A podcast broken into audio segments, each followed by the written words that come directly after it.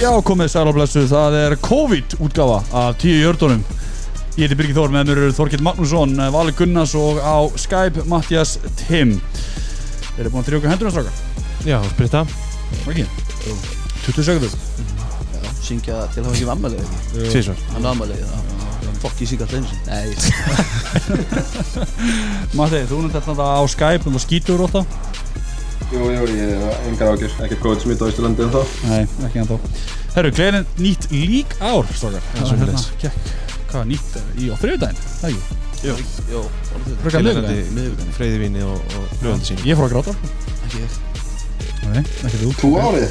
Valur er útgrátin eins og einu augu og allt maður. Uh, við erum að sjálfsög í búið pokastöður það er þeir sem er sjáum að hýsa okkur. Við erum ekki lengur í búið túle í miður. Það er gott að taka það fram. Já, ég veit maður þakka, ég meina fargi, kannski pæli fólk bara þannig að við hérna bara heyrið í okkur. Þú ert að tala um tengdamömböksu núna ekki? Já, ég En elska það- tegndum um mér en að við erum einni í búið White Fox. Uh, það eru okkar menn burt með hvað, Kalli? Burfuruttan Burfuruttan Yes! Áfram gakk. Uh, áður höfum áfram til hafa ekki með tvíburana byggi Takk fyrir það, takk fyrir það. Ég er búin að sofa mjög lítið og er Óvinni hvítur. Trubiskia hvað er það er Trubiskia og Tua. Nei, Michella og Joe Salenina. já Michella já alveg rétt já. Ég reyndi að henda á Twitter að hérna, ég vil fá treyju frá Kyle Van Noy að minni skýra börnum mín Van og Noy þannig að að bara vonandi Kyle Van Noy að hlusta á þetta bara hugg mér upp uh, Ástæðan okkur við erum að koma saman núna er það því að þjóðin kallaði svo náttúrulega er allt Hefur enginn um neitt að tala Nefna við. svo það er líka, það er bara ekkert að gerast í heiminum. Þannig að við ætlum að fara yfir þetta free agency sem byrjaði núna á þrjóðdæðin síðastlinn byrjaði with a bang, svo maður segja þegar eitthvað skrítnasta frétt sem ég sé sem ég held að vera grín þegar DeAndre Hopkins var treytaður frá Houston Texans til, a, til Arizona Cardinals. Bill O'Brien er alveg mistari já. Má- ég byrja? Já, það veit engin hver á að Sko. byrja. maður skilur alveg þegar mönnum er treytað ef það er hérna ef það lið vill ekki eins og hann vildi greinlega fá betri samning. Hann vildi rekonstrukta samningi sinn fá endurniða samningi sinn. En Þrjú ára eftir að já, þrjú ár eftir en hann vildi hækka og og Texans var ekki tilbúið í það og það greinlega ykkur kerkjaðan á milli hans og Bill O'Brien en fáðu eitthvað fyrir DeAndre Hopkins. Þetta er besti vætir sem verið í deildinni þú veist, ásamt tveimur, þreimur öðru Já. Og hvað fenguðu fyrir hann? uh, Þetta er enn eitt dæmið um það og, í amerískum íþróttum að GM-iðin og þjálfarinn á ekki að vera sami maður. Nákvæmlega. Við höfum séð þetta miljón sinnum. Það er bara hefnast mjög sjaldan. Og þetta er ekki fyrsta sinn og ekki síðasta sinn sem við höfum rætt Bill og Brian með Nei. brækundar utan um hælana sko. þetta gerði það niður í sig á fyrsta degi free agency er náttúrulega bara hræðilegt sko. og í rauninni var þetta ekki byrjað í rauninni það var tempering. Já, skilur, og þú veist það var búið að leiða tempering var ekki búið að leiða treyt skilur en það mátti byrja að, að undirbúa og, og tryggja sér treyt, svo maður segja skilur uh, Arizona alltaf losna við David Johnson.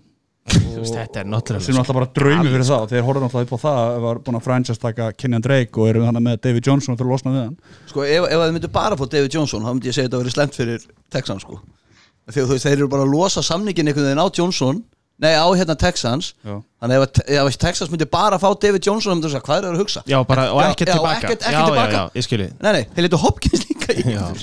Þetta var líka svo ógisla skrítið, maður sá, þú veist, fyrsta tilkynningin var bara David Johnson hefur verið treytað í Texans og maður svona, já ok, þú veist, það var eitthvað lýsið nefnt að taka hana samninga á sig og vonandi fá þá, þú veist, Texans eitthvað frá Cardinals já, fyrir, að- fyrir að taka á sig þetta Já, launatölu. Nákvæmlega. Og, ma og maður er bara, já ok, flottu þeim, eitthvað kannski fáið second round pick eða eitthvað. Nei, nei, jú, þeir fá second round pick og kemur DeAndre Hopkins á móti.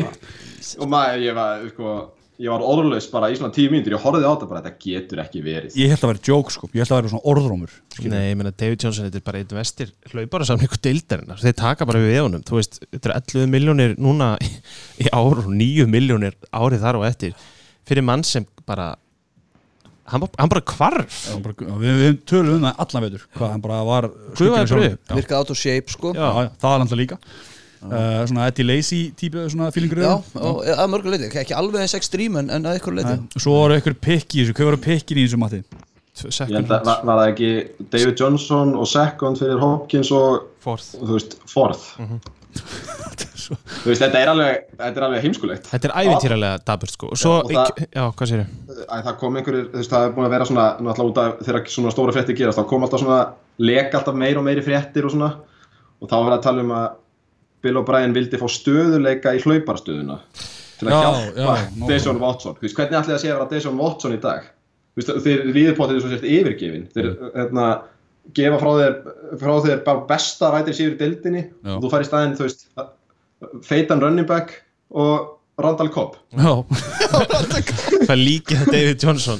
Já best að koma fyrst og nefna Randa Kopp fekk þrjú ár, 27 miljonir Já, rosalega samning. Hvað er það? Rosalega samning Ég, ég var að hugsa til þín að því að hann er- var nú í uppáldi á mér allavega hjá Pakkes það er langt síðan að hann var góður átti eitt frábært tíðanbíl á 2014 14. 14 Já, fær risa samning 2015 en síðan þá hefur hann bara verið meittur eða bara geta lítið. Hann fekk 5 miljónar samning hjá Cowboys í fyrra. Já, já, Hann er að fimmfalda þá tölu yfir þrjú ár. Já. Pælum aðeins í því. Rúmlega fimmfalda. Þetta er, þetta er, þetta er ótrúlega Þetta er sko, og hann er, hann veist, hann er 29 ára í dag. Og það er ekki svo að velli peningar út úr raskati á Texan sko. Það er fullt af vissin í það. Þeir líka- og þeir, þeir eru líka bara að spara eina miljón undir þakkinu á þessum skiptum. Það er líka, og styrna þeir líka búin að hérna, henda, ekki glemma því að þeir treytum það fyrir Tunsul fyrir mm sísoninu þannig að þeir eru búin að vesta fullt í lærum í Tunsul sem fyrir núna líka byggum kontrakt skilja já. og, Vi- og Hopkins náttúrulega hinum megin líka það má reyndar ekki gleyma því sko. Já, og ég ætla að hann, nú- hann vil þá, Cardinals þurfa þá borgunum. Já, og ég Þeir ætla, gera það glaðir. Já, já, 100% já, já. Bara ekki spurning. Með geggjað út herja, hérna, tríó. Já, og nú ætla ég, ætla ég back. Þetta er fárálegt sko. aðeins að taka smá frá kollegunum okkur vestanars uh, með eins og að við, halda með Texans núna. Já. hvað það er þungt eins og með Bill O'Brien, hann að treyta hann frá sér kláni og það hleyja, muni getur treytin til Seattle og já. það tala bara um að ok, Seattle var að bara, bara stela Við kláni, erum ennþá að læga því. Við erum ennþá að læga því. Svo núna þetta Hopkins treyt, skilur við og svo ennum við að tala um að GM og þjálfur ekki var saman þegar hann getur þjálfurinn verið með eitthvað personal samband á móti eins og tökum dæmi Adam Gase myndir ráða í Jess og var löngum að treyta Bell fyrir eitthvað joke skilur þetta er svona dæmi um það. Og halda með Texans núna heldur þessi ekki þurft að eiga Hopkins trey til dæmis, svo tökum dæmi um það við veitum það að liðið gerði eitthvað svona fárunlega og ég er alveg að taka þetta bent frá og rándi í NFL því mér fannst þetta svo magna þeim. Hvað er að bara þurft að halda með Texans og eiga Hopkins trey að vera bara að vita alltaf að þetta væri bara það vandrarlega sem þetta lið hefur gert. Þetta er náttúrulega, já. Ég veist, ég veit það ekki. Nei, ég veit, ég veit ekki, þetta er náttúrulega bara sama hvernig við lítum að hvort sem á treyið ekki þá er þetta náttúrulega bara bjánast að treyt sögunar Eitt að, Þetta er bara eitt eitt að bjánast sem treytum sögunar Já.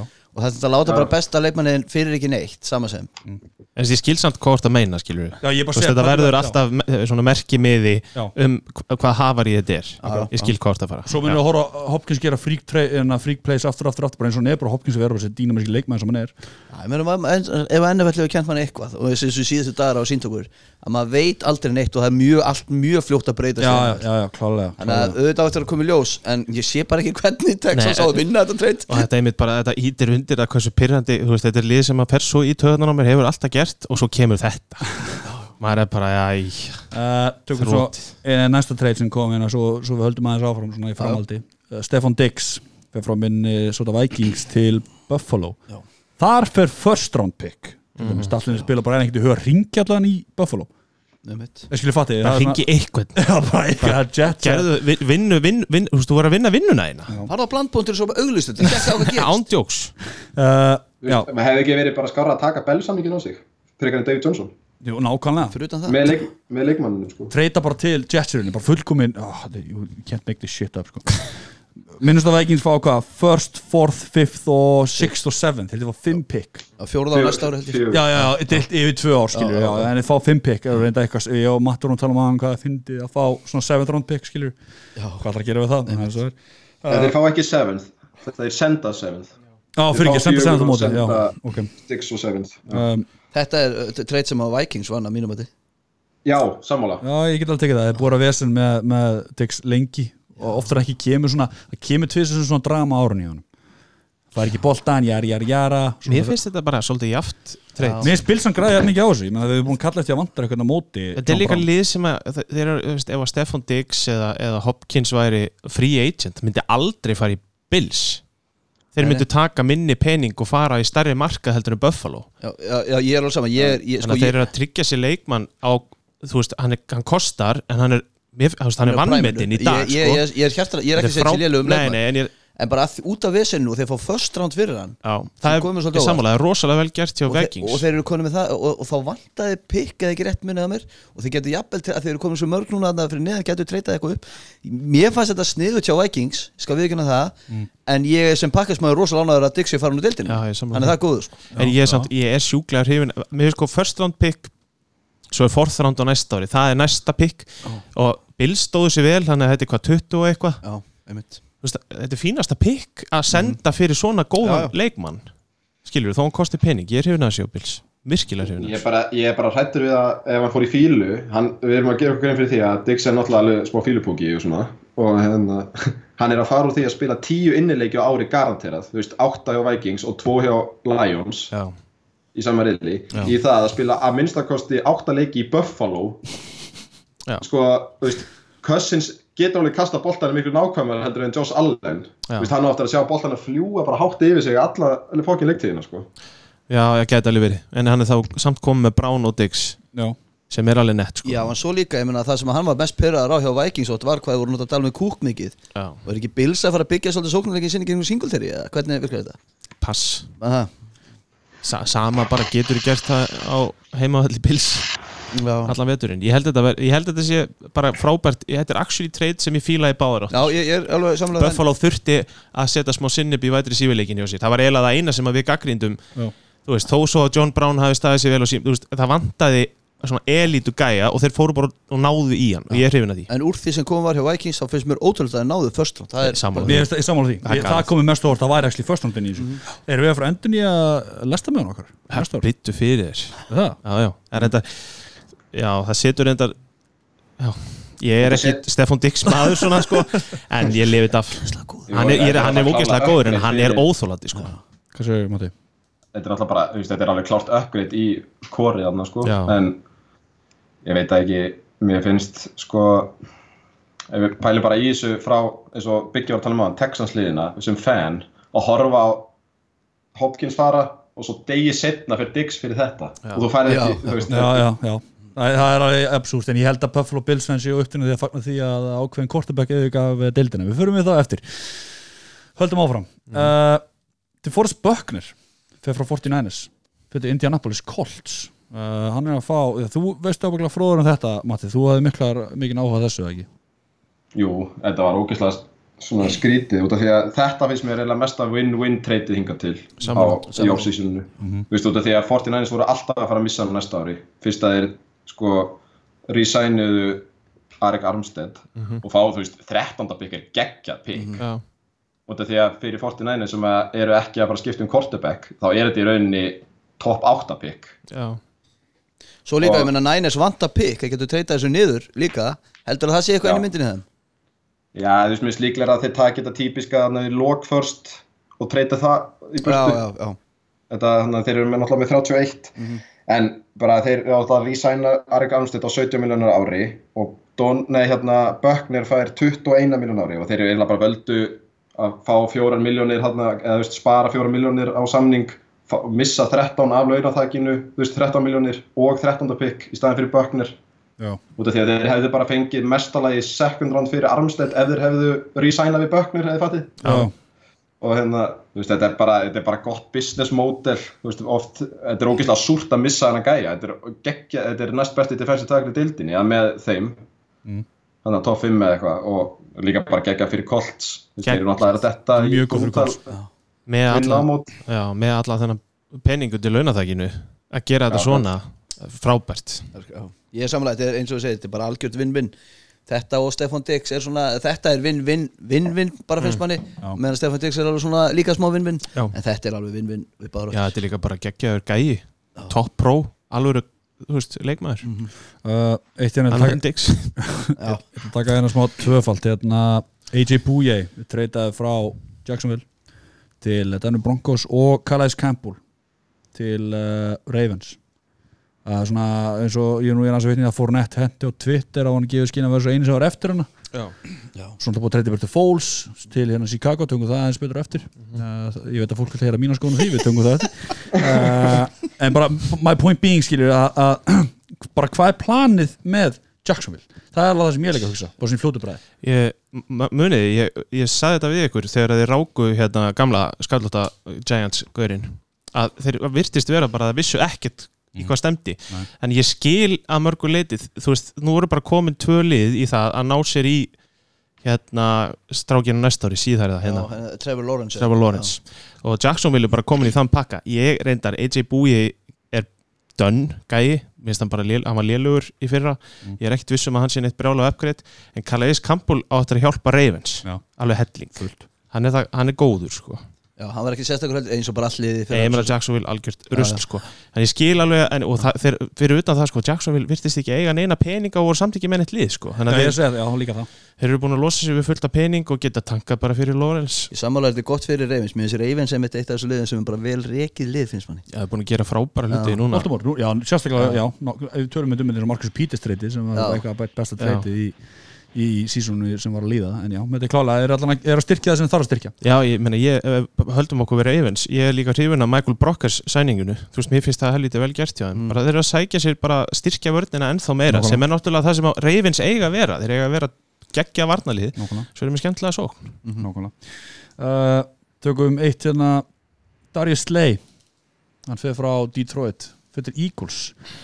fyrir third pick og fifth pick Þetta er eins og við erum búin að kalla eftir að Eagles myndi gera styrkja secondary sitt, þetta er klálega leikmaður Þetta sem er það þetta er góður leikmaður sko. Þetta er mjög góð leikmaður Hvað, akkur er Lions að þessu? Third og fifth, ég bara, ég byrja það Ég, ég bara er ekki alveg viss Hann var ekki eitthvað viss en á honum Vildi hann, Hann var ekki pyrrar eftir tveitur við fór Diggs Já, til. Seattle Seahawks Voru í fílu Já, hann fór í fílu og fannst ekki vera að bara gefa skinni að vera ekki contenderar Mér finnst third and fifth ekki minnst ekki mikið hann. Ég, ég setti nafnið það sinni í Google hérna og fæði bara Darius Slay says he didn't respect Lions Matt Patricia, Patricia as a Já, person og það er bara að koma hellingur Hann bara hatar hann. Við Matt Patricia núna Ok, sko. þá kannski skilja það að hafi bara við hann Ég meina, Eagles frábært. Já, bara eins og við höfum rætt oft hérna og skiljum ekki okkur um að Patricia er ennþá að þjálfa þarna Nei, en, nei, nei, nei. en þetta er frábært fyrir Eagles, já og þetta er það sem við vorum að tala um að þá vantaði í Betri- secondary sitt bara betri leikmenn. Að þá, já, uh, var ekki Malcolm Jenkins að fara ykkur Hann er fannin já. Tökum hérna svona einhvern veginn Við erum að taka hérna svona trades og svo free agents agency samningar og svona Þannig að tökum hérna eitt uh, að lókum Það er uh, Big Dick Nick Foles Þetta er Chicago Margir búin að tala um að Ertu búin að fá okkur posta?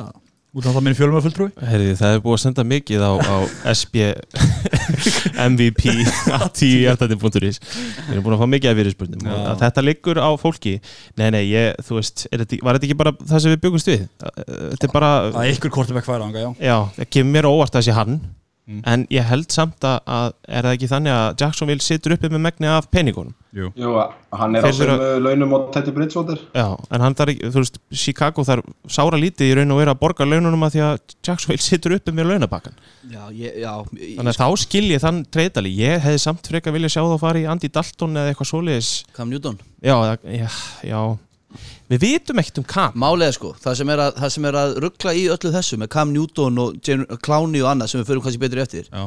að lík get ekki tekin inn í lækninskoðun Mhm. þeir get ekki, þeir bara þú veist og meira sem eins og Nick Foles ég meina maður myndir okkar vilja tjekka hans og honum en bara hann spilaði í fyrra þannig að þeir þó- þorðu að taka hann Já. en við kannski við tökum betur hérna umræðan eftir sem við gerum svo ekki en hérna en en, en, en þessi Nick Foles stíl þetta er svolítið skrítið þetta er svona, mér finnst þetta svona líkt að því að Ryan Pace general manager hjá, hjá Bears hann var alltaf bakka upp Trubisky, mm því að hann alltaf draftaði hann. Já. og hann gerði hann fáralega treyt til að fara ofar í draftinu.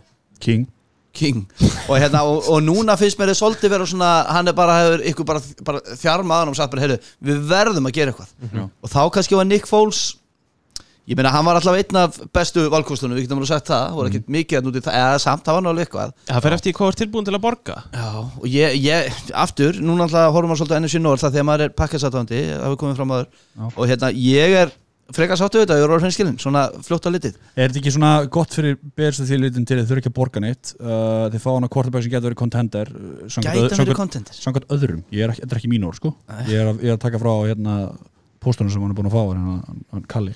Þetta er náttúrulega, ég hef engar ágjur að þessu skilja, og er eitthvað sem spurði mig hérna hvernig þessi stormur á að lenda á þig? Fyrir, er, fyrir ekki, erum við Trubisky menna frá að standa stormin, þetta er svona max 2-3 metrar á sekund og heiskipt sko. Ég hef engar ágjur af Nick Foles sko, engar En ef, ef við tölum í alvöru, Þannig að byggi Ert að segja með það að, að, að Mitch Trubisky sé að fara að slá Nick Foles út En ég ætla samt, ég, ég sé það ekki En ég ætla samt að segja að kannski er það sem að Trubisky þarf. Já, hann þarf Já, ykkur til að andi nakkan á sig, skilju, bara að setja smá pressa á sig. Það reyndar eins sem að Nick Foles er með, hann er búin að kaka fjóra, 400 leiki og, og passing er það að segja, sem að ég las ekki að Chicago Bears hef ekki haft á The Super Bowl era. Nei. Ég, ég held að fólk sé alltaf að fara yfir starterinn sko. Er það eitthvað hot take eða? Nei, Nei, alls ekki. ekki og ég er með fletti hérna upp, úst, þetta var 88 miljón dólara samningu sem var skrifað undir. Og uh, þetta er, maður sjá. Fjör ár, fimm ár. Já, ne, já, en máli er sko að Jackson vil borgar 18,7 SS tekur á sig 18,75 miljón dólara í dead money fyrir næsta tímabil þannig að Chi- Chicago, þetta eru þrjár miljónir sem Jackson vil að spara sér, þetta er ekki neitt þeir eru bara að losa sér við hann. Já, bara virðist vera til að losa þú veist, næstu tvö ár af því þeir eru að fara að segja sér kortebakki draftin á næsta ári skiljur skiljur hvert er að fara? Jacksonville já, þannig að Chicago er að taka á sig hérna, restina samningnum að 35 miljónir Hefur ekki trú á, hefur ekki trú á Minshew? Jú, jú, en ég held samt að þeir eru að segja sér ég meina, sko Minshew er náttúrulega komin í vonlösa stöðu. Það er engin eftir í Jacksonville sko. Demma Fournette já, nema, sem getur ekki kripið bóttan til að bjarga lífi sem sínu fæði sinna 100 leiki á, á, á 6 leiki uh, Já, ég, en fyrir okkur Trubisky menn, ég vengar ágjur þessu, ég held þessi bara gott fyrir hann. Þetta er gott Ég- fyrir hann.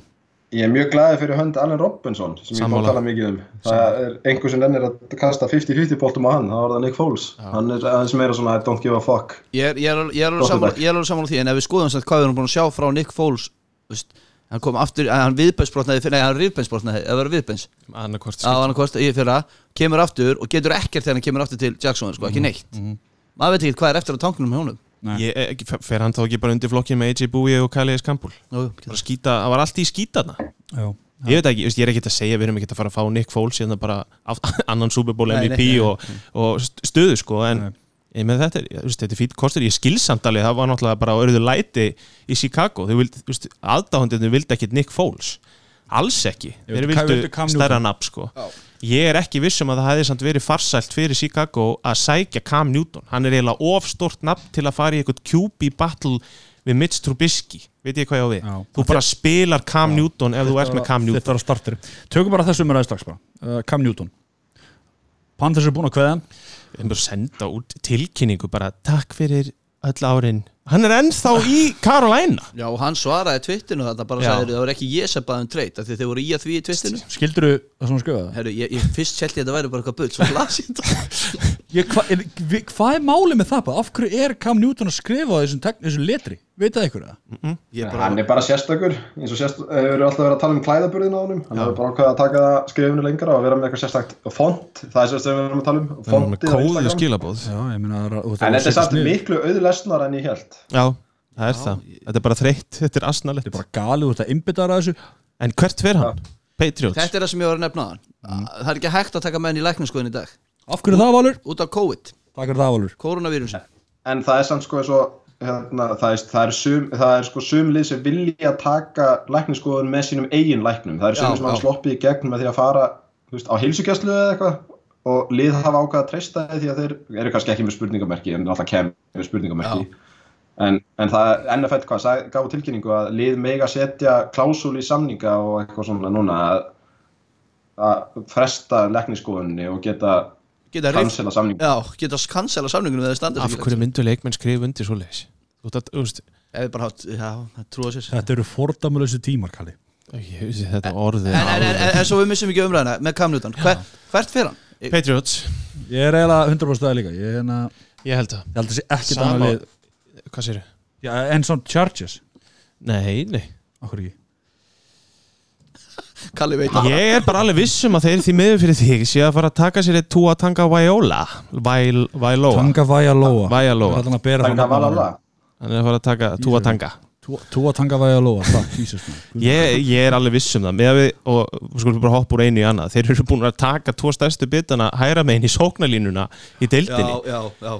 Hver, hvert, þeir eru bara að senda mjög skýr skilabóð út í kosmosin hvað þeir eru að fara að gera. Og þeir virðast greinilega bara vera það með það stór plön að þeir, þeim er alveg sama hvað fólk byður um. Já, LA Chargers stór plön, góður. Uh, Leikminn sem tala með Trey Turner og uh, Búlaka Já, Brian Bulaga. Bulaga Æ, Sorry, sorry Kalli, ég var eitthvað aggressív er Þeir eru er með hæra minni grímu, vörninni og Túa er örfendur og þess vegna Það eru er með menn sóknarlínu hæra minni sókninu fyrir ekki Þetta er blinda hliðinast túa Já, þetta er blindal hennast Túa þess vegna verður að tala um að þeir séu að preppa fyrir að taka Túa það að þeir eru náttúrulega voru bara ekki með sóknarlínu.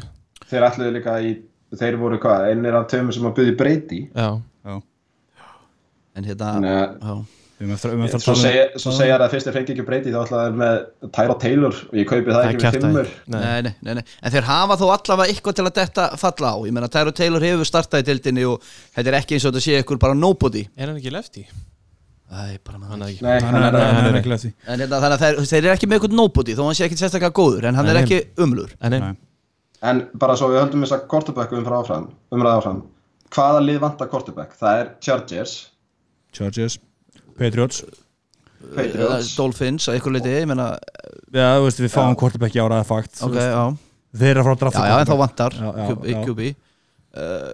Redskins Nei aha. Ég skil ekki alveg þá umröðu en þá Þegar ég, núna er samt á, á Ég veit með, það. með veðmálasíðu þá kem Newton líkast til að fara til Redskins sko Redskins, já. Uh, Hvað voru búin að nefna hann að Bengals, Þetta Bengals Já, taka alltaf, sko, þeir eru alltaf Þetta eru, og hvað eru lausir? Þetta er, þetta er hérna fyrir geðu Newton, Winston, Dalton.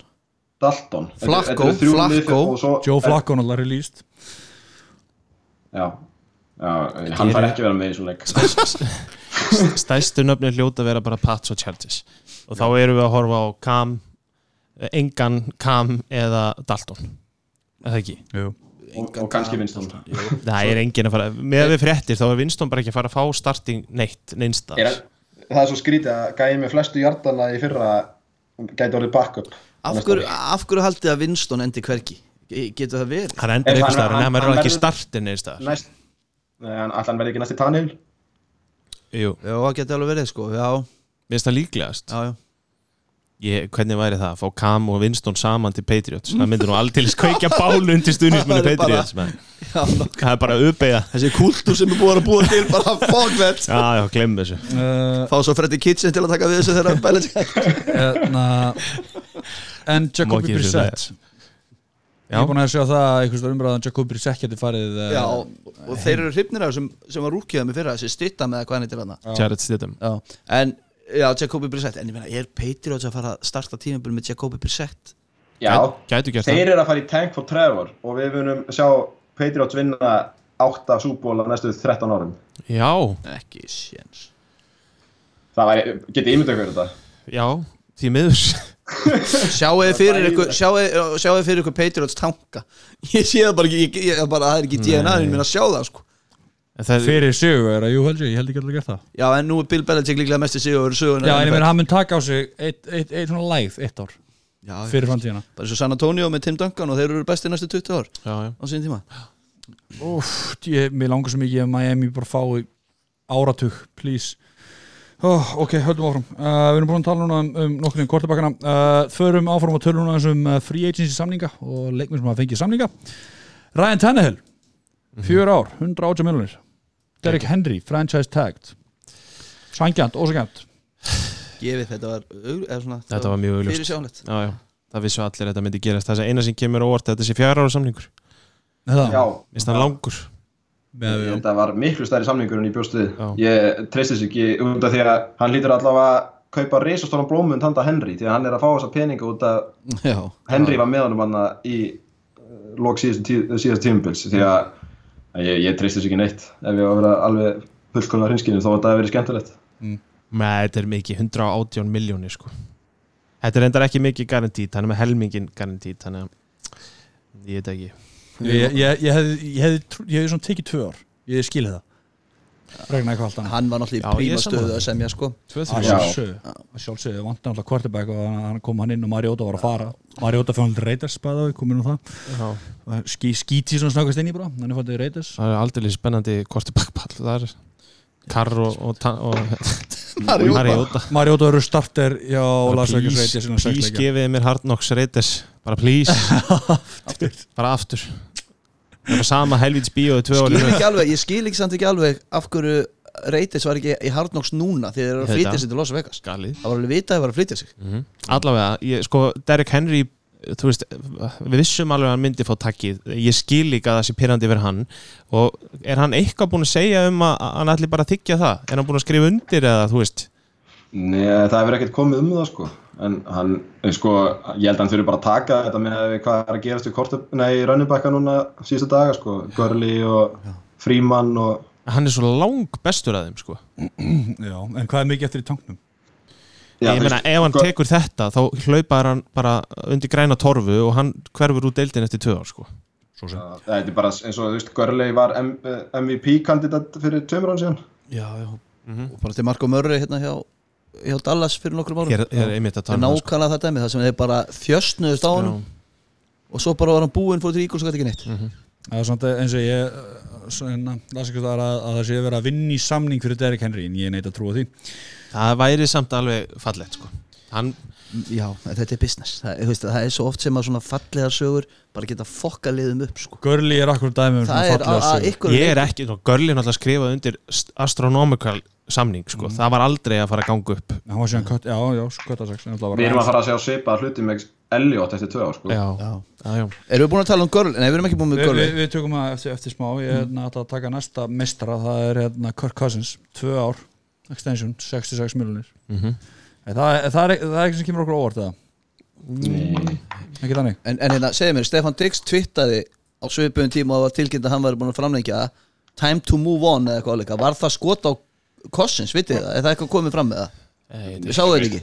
Þetta ekki er sett saman leiðilegasti Twitter-account í NFL hann getur ekki sett saman setningar sko, þannig að já, Uh, Þetta kom mér á óvart. Ég hefði alveg skilið að þeir myndu setja smá pressa á hann og láta hann bara spila út síðast ári á samningnum.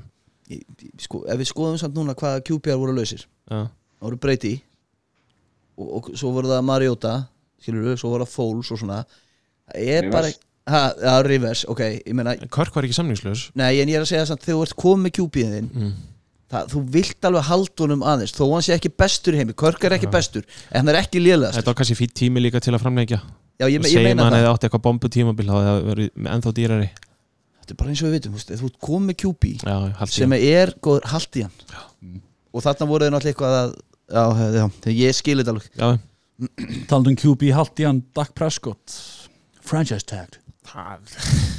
og Amari Cooper, 5 ár, 100 miljonir þessi, þessi Amari Cooper samningur bara er eitthvað svona eins og dömmi samningur sem þú gerir svona til að sína hvernig samningur á að vera gerður.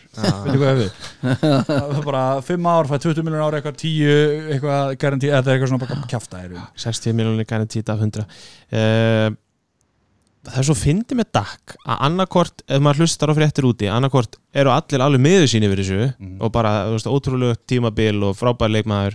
Eða þá að menn eru bara miðlungskvartibak á ekki skilið alla þessa peninga hefði átt að taka samninginu sem að neita hann að 30 og eitthvað miljónir ári. og ég, ég, ég hef ekki hugmynd um hvar ég liggi í þessu. Þú veist, vitið, ég, ég, ég, ég, get ekki verið meira sammálaðir annarkvæmt finnst mér þetta að vera besti QP í heimi eða bara, Miðlungs, mér, bara já, svona, ég já, held að sé bara eitthvað starf akkurat þarna á milli. Já, einmitt. og þú veist með, með tölutna sem hann neitaði Mm. þú veist, það er alveg samningu sem mér hefði þótt bara mjög sangjart fyrir dagpreskund Já, sérstaklega sko út af því að hann var náttúrulega, hvað, fourth round pick. Þannig að hann er búin, ekki búin að vera á sem first round quarterback launum sem all, eh, flestir eru á. Og hann er sko samt að neyta fimm ára megasamning Já. út af hann vildi fjögur ár það eru frétnar sko, hann vildi fjögur ára samning en þeir voru tilbúin til að gefa honum fimm ára samning og hann neytaði því sko. Þannig að ég, ég veit ekki alveg hvað hann er að fara með þetta nákvæmlega, hvað pointið hans er hvort hann vilji casha inn tvísvar fyrst að hann var á fourth round launum. Já, ætlaði ekki pointið að vera bara að hlýtur á ykkur skona ákvæði sem samninga að þið getur kött hann? Það það, er, það verður að vera sko. Ég, ég veit er að, neða, ekki- vantala hefði fyrirkomulega verið komið þannig út frá því að í þessum fimm ára samning versus fjara skilju hann hefði aldrei neitað bara til að neita ykkur árið skilju uh, en það er að segja að Mari Cooper svo sem þetta var alltaf spurning, um- spurning um það hvort þeir myndu sæna hvort þeir myndu sæna Cooper. Já, sko, það voru þrýra, það voru Byron Jones, Amri Cooper og Dak Prescott. Já, og þeir sæna einn og Francis taka annan og Jones fer.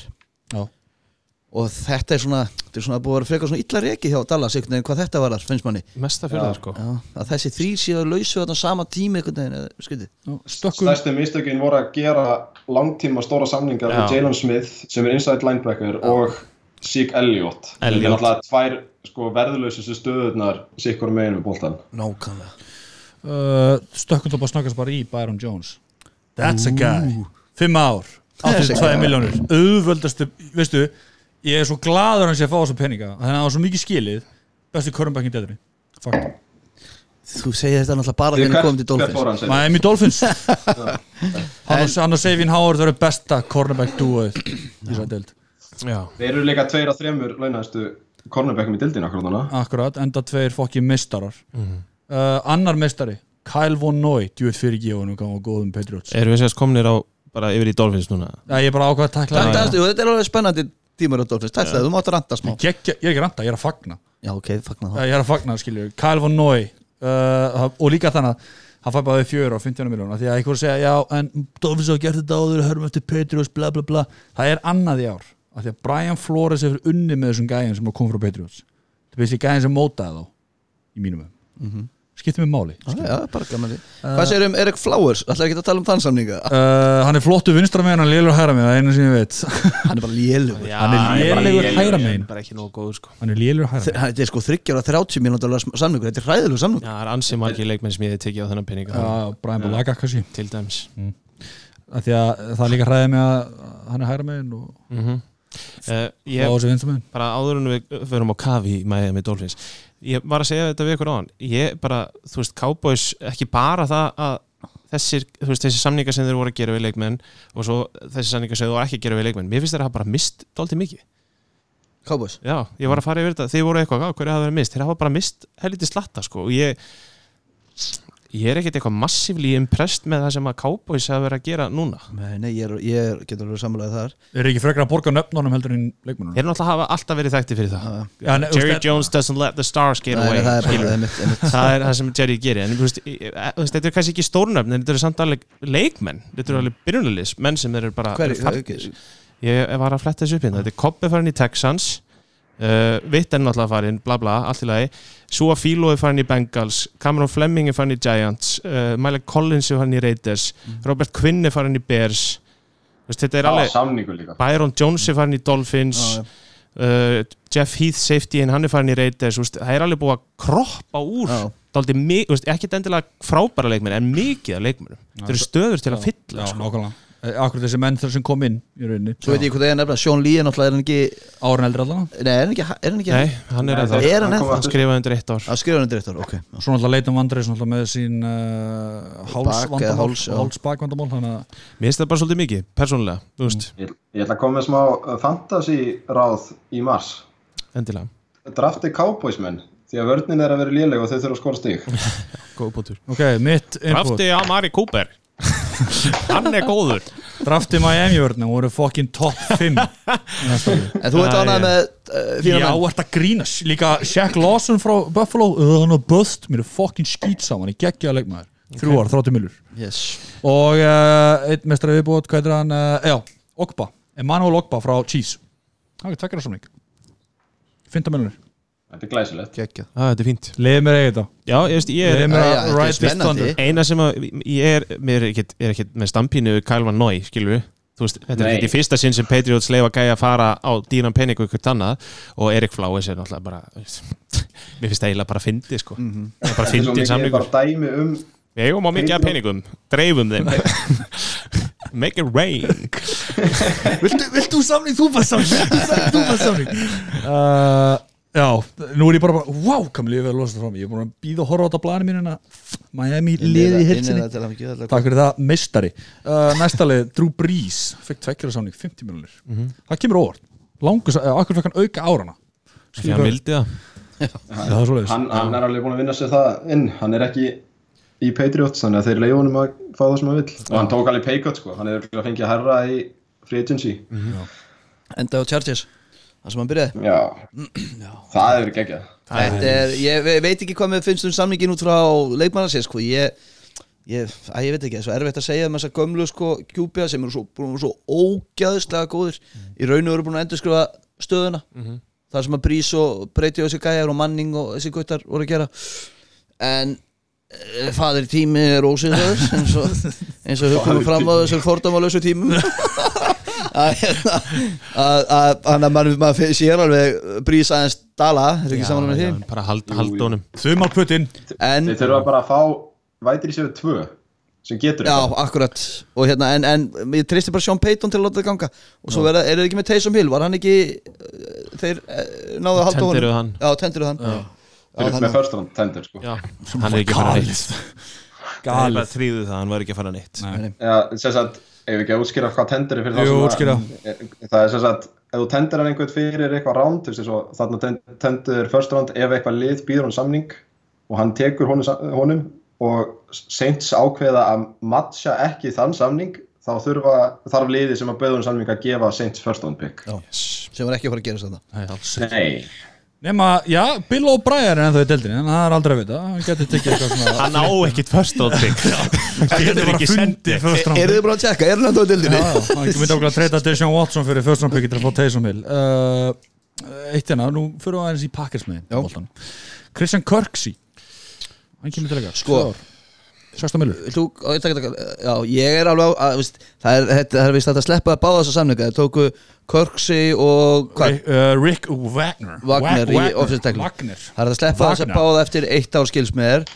Uh, Þessi Kirksey þegar hann er heill þá er hann vist góður, ég þekki lítið til hans. Og þetta, er inside linebacker staðan sem er búið að vesen og hann er að leysa Blake Martínez af sem fór til Giants. Gott að koma að það bara Martínez Fóti Giants fyrir þrjú ár, 30 milur Já, Ég ætla að byrja um að spæði segja mig Kirksey og segja hvað þið finnst um það að Blake Martínez aðeins farið. Já, ok, ég skal bara, þetta tvinna saman. Uh, auðvitað. já, ef að, ef að Kirksey helst heill sem er skilst að sé svolítið stórt ef, já, að þá er hann hugsa ég uppgreitt með það sem ég lesið og skoðið eitthvað smá. Að því að Blake Martínez er ekki góður inside linebacker, hann var alltaf hæstur í tæklingum ár, ykkur ár eftir ár en hann var alltaf að tækla menn þegar voru búin að hlaupa fimm niður völlin, skilju hvað ég meina? Þannig að Blake Martínez var miðlungsleikmar og ég er að vona að þessi smá uppgreitt þarna í inside linebacker stöðinni uh, right tackle staðan er náttúrulega downgrade. Brian Bulaga farinn til Chargers og við vorum aldrei að fara að borga hann 30 minútur þrjúar, hann er 30, hann er búin að mikið meittur þó hann spila alla leikina núna, kláraður endur ekki alla, en hann er búin að mikið meittur en búin að vera frábæð fyrir pakka og hann bara vonar innilega að hún gangi vel í Chargers og ég er rosalega ánægður að hann fór í AFC þannig að þegar ég horf á free agency þá horfum við alltaf, er liðið mitt betra eftir free agency? Og ég horfi núna á pakka eins og ég sé að við sem ekki betri en, ekki. en áður en við fórum át af Brian Bolaga en það sem að Köksi gerir er að við þurfum kannski ekki að taka að einblýna of mikið á inside linebacker stöðuna í draftinu. Og náttúrulega free agency er ekki alveg búið við erum Já, sammála um já, því. það er alveg fullt. Þannig að það er svona aðeins léttir þar á en Pakkas er verra lið heldur en fyrir free agency í dag að mínum hætti góða punktur. Uh, ok, samanlega þessu kallið minn. Ég tek alltaf Pakkas Já, já, þú veist, Wagner er að koma á 11 miljónir tveggja ára samning. Það er náttúrulega peningamunurinn er gigantískur sko. Það er náttúrulega sárt að sjá Brian Bulaga fara, það er svona svipa sárt og það var æðislegt að að sjá tight end frendaginn fara. Shhh, ég glemdu því maður. Það var það nú líka að ræða Seattle vinniðina hérna á eftir. Þeir eru náttúrulega talandi um að hisja niður um sig. Þeir gerðu það.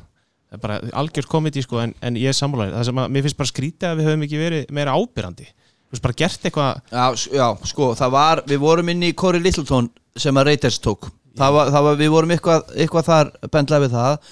Svo var eitthvað ég man ekki að vera eitt að tvent en nei, við vorum ekki mjög ábyrgandi, ég er alveg sammála því. Þess vegna er ég að vona að þetta sé ekki búið. Það eru þarna ykkur þarna eftir sem að gætu, ég var að vonast til að taka hennan Ravens tackle sem, fór í, neðna, sem fór í Vikings. Hann er einstaklega linebackerinn hann að Peters, ég maður hann og hérna, en, en ég er alveg sammála, ég hefði viljað aðeins meira en við vorum svo geggjaðir fyrir á fríðinni sem maður eiginlega lifir ennþá svolítið á því. Já, já, það má samt, úst, þetta er bara, það má ekki detta niður og Littleton fyrir til reytis 36 miljónir þrjú ár. Hann er öllítið dýrar en Martínez og hann er tölvöld betur en Martínez. Já, hjá Giants, við náttúrulega vorum aldrei að fara að borga Martínez 30 En nei, já, eh, þetta er góð dýt Já, þetta er, þetta er ekki góð dýt hjá Giants held ég. Nei, þetta, er- ég, held- ég, sam, ég sé að segja Já, þú ég skil, já, ég já, hefði já. tekið Littleton á 36 ekki Já. Blake Martínez á Nei, 30 en uh, Næsta, þú vildi uh, með Kori Rillund, þú vildi líka fá Nick Kwiatkowski Já. Kwiatkowski Það voru tveir gæjar sem ég langaði í Já, inside báðir linebacker. linebackerar. Já, það voru hann og svo og, og Littleton og þannig þeir voru báðir reytis Já, og Nick hvernig var Nick? Já, Nicky boy. Nicky Boy, hann fór, fóru báða til Raiders. Raiders Little er Nicky. búin að- Raiders er búin að vera fara svolítið radarinn í góðum sænings, er það bara ég? hvernig eh, fór hann til Raiders á, á það, þú veist? Það er engin peningur. Nei, þetta er svo pyrr, það pyrrar mig. En ég er samt er búin að lesa um hann og Bersáttandu segja hann sé ekki sérstakur En Bersáttandu segja þannig um alla sem að fara frá þeim. Já, En þeir eru ekkit mjög hrifnir á hannum nei, nei, nei hann er á 30 ára 21 miljón sko. Nákvæmlega. Ég veit það ekki, Uh, áfram. Tökum hérna einn uh, meistar sem er mikið umræðan hjá okkur. Jimmy Graham, 2 ár, 16 miljonir sænað hjá Chicago Bears. Hvernig var það? Var enginn að horfa á hann spila í ára? Hvernig það var bara gíska brá hvað Hann greip fjórar sendingar í tveimur leikjum í fyrra mótið með að voru að sjö fyrir 60 hjartið eitthvað alveg, þetta var eitthvað djók sko. Ég skil þennan samningi og þetta er ágætis peningur. Er hann blokkar eða?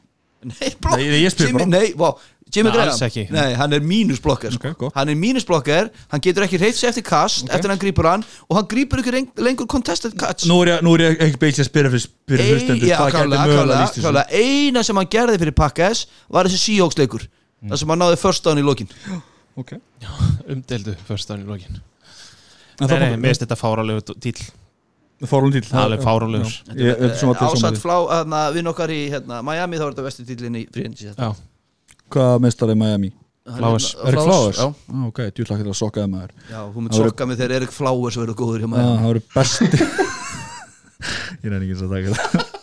Þetta uh, er tværalir lesti sem þú, þú veist, út á Eh, einni tæpri sko, Já, ég veit Sestu ég, niður ég er alveg valdur á spórun sestu niður uh, Tökum við hérna tvíleipu hjá, hjá Cleveland. Austin Hooper, fjör ár, 42 milur Góður samningur, minnst hann eða skilið.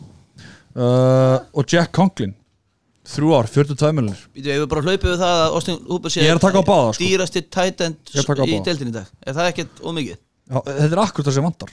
Það vantar tight end í Cleveland. Já, sko, þetta er, eða, hann er samt eða bara heppin eða hann er það í smástund því að Kelsey og Kittul eru fá samninga bráðum og þá verður hann ekki, þú veist, hann er alveg top 5 tight end í sér deild. Er það ekki það? jú, já, Takk Matti. Ekki spurning Jú, jú, hann er samt ekki blokkari eða mikill blokkari en Ah, pe, pe, pe, pe. Já, pe, það er ekki Er, er þetta ekki bara, er þetta ekki bara, safe, er þetta ekki bara safe throw fyrir hérna fyrir Baker? Eða Case Keenum segir svona. Allavega afsakarnir fyrir Baker Mayfield fara verður fækkandi með hverju Hverju já. vikunni sko. Já, ég hrifnar að Jack Conklin. Já, einmitt. Já. sem er það frábært. Og bara þarft verk að að fara að hrúin leikmönnum í sóknulínu hjá þeim. Það var bara vesti óvinnuður í fyrra Húper er fínt skilur við, þú veist, jú, jú, hann er kostar fullt af peningum en hann er líka bara góður leikmaður. Já, svo náttúrulega er launum það ekki alltaf að hækka. En, Já, en, en Joku, hvað verður um hann? það er frábært spurning. Já, ég Já, sko, ég var í mitt að, ég, ég hugsaði bara að þessi lest, Joku-lestin væri dauði núna, en svo sá ég að Stefanski notaði eitthvað, top 3 mesta tveggja tight end set, Ok. Þannig að, og við erum líka að tala um sko að 49ers voru að spurjast til um Hooper, Veist, það var alveg þannig áhugi, sko, þannig að Kittul og Hooper hefði orðið svindl. pa, Já, Pakkars var líka eitthvað að skoða Hooper. Þeir voru að skoða það En ég er mjög ánæður við borguðum honum ekki ykkur að humengos ég held að ekki, það er ekki til peningar fyrir því sko. Það er Tróðan Ross myndir. Ból getur þetta öllum. Uh, Ég er með smá pælingu hérna. Ég nefndi Case Keenum minna snöggast Case Keenum er sérst farin frá Redskins uh, til Cleveland Browns. Því það, það vantar að fylla upp í QB-stöðuna hjá almenna fyrir um Dwayne Haskins hjá uh, Redskins. Röskins, já. Uh, sem segir mig enn átt það Cam, ídurundi það, finnst, ég held að Cam Newton fari til Redskins.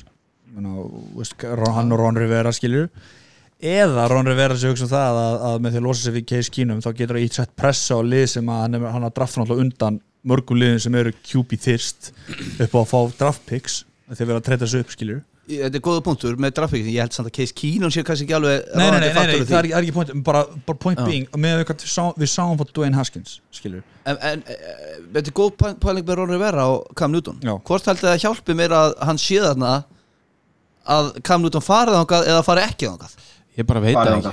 að hann farið þangað, já Út af því að með að við hvernig, sko, þegar, ég hef aldrei séð þetta áður þegar að coach fer að hann fái svona mikið lof frá liðinu sem er að láta hann fara eins og með Panthers. Þeir voru bara með í viku bara myndbönd og myndir og hitt og þetta, sko, hinir og þessi er að tjá sig og þetta var bara, hann mann við vel metin hann, hann var bara komin að endastuð. Love that guy uh, Já, ég pæli sem típist þess að rífa upp Redskins franchiser eins og sæning eins og Cam Newton Þetta er líka bara svo Josh Rosen. Ha, Þetta veist, Josh Rosen hjá Ar- Cardinals þegar þeir fengu Kyle Murray Þú veist, bara út af því þá er náttúrulega bara Haskins umræðan bara kemur bara í beinu framhaldi frá því. Já, já, já, já. Þá mun að Já, það það kemur að liða draftuna mun sig. Yes, yep. það, það er eitthvað lið sem er að fara að taka annarkvort pick 2 eða 3 ég held að sé Já. bara alveg klárt mál. Og það er bara spurning hvort liðið er tilbúin til að taka minna fyrir pickið sitt. Og þú veist, það, það Redskins er samt í þeirri stuð þú veist, þeir eru með pick nummið 2 takið bara besta kortibakkin það er Í alvöru? Chase Young. Chase Young er náttúrulega ég veit að Chase Young er þetta en þú veist, af hverju ekki? Að, að þið, þið, sko, ég, ég horfði að Tvein Hoskins í fyrra. Hann byrjaði hræðilega, svo þá honum óks áspenn mér fannst, hann, mér fannst stígandi í leiknum hans. Og kannski sjá þeir eitthvað í honum en nýr þjálfar og svona, já, já en hver þá, þá erum við að tala um að Túa myndi þá fara kannski til Redskins eða. Herbert eða hvað er þetta þarna? Justin Herbert. Já, ég meina þeir geta líka farið bara nýri í, í til dæmi sjötta, þetta er, þetta er alveg mjög valið punktur og þetta er er ekki sko. ólíklegt sko. En að því að eh, maður, er alltaf- ég horfði ekki nú mikið á háskólabótt en maður heitt að þessi Chase Young sé bara generational að það passa Já, það það var ekki búið, það ég- það er einu sem hún heyra bara generational talent bara, of, bara einn okkur um tíu árum sem og svo Quinnen Williams já, bara sem jetstock.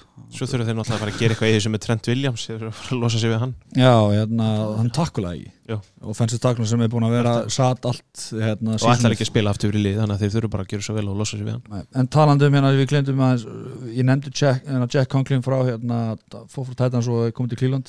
Búin að styrkja skilur, þetta, þetta þetta er er að gera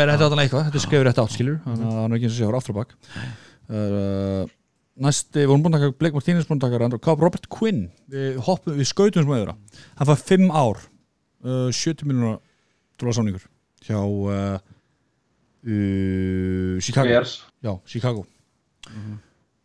Er þetta ekki svona akkur svona leikmaður á móti Khalil Mack? Ég, sko, ég, ég veit ekki sko. Ég, Þetta er ekki reyna þessu jú, jú, þú veist, allt er lægi sko. Það er náttúrulega, þeir mistu náttúrulega hann að vinna okkar hann, hann, Leonard, Leonard, Leonard Floyd. Já, Leonard Floyd og fyrir aftan á í linebackernum vinn minna Nicky Boy. En hérna, þurftu er ekki bara eitthvað að viðhalda þarna. Ég meina, Bersvörnin hitti fyrir að var þetta besta vörnin dildinni Mm. í fyrir að var þetta fín, eða góð vörn. Já, góð vörn, maður er með hræðilega sókn alltaf móti sér.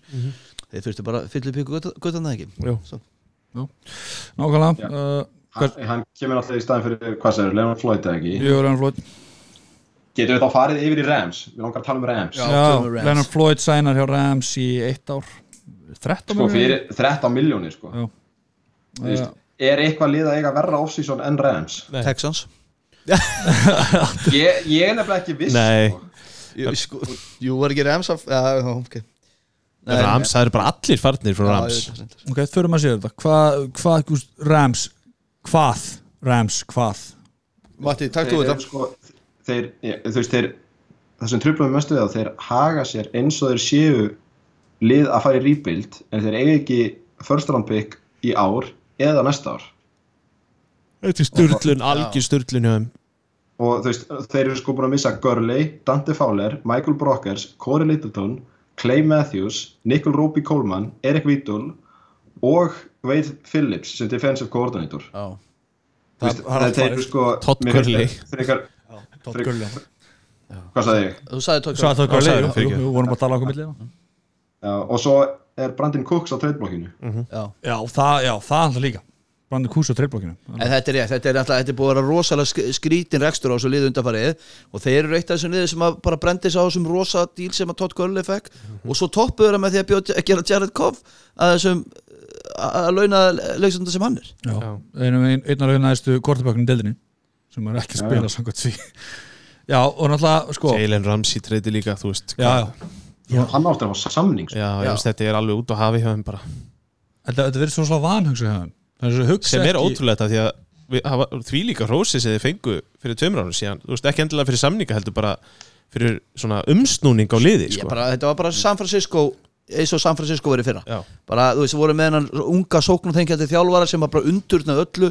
Sean McVay, hann sagði ekki neitt vittlust þú fórst í kaffi með honum, þá fyrstu head coach starf.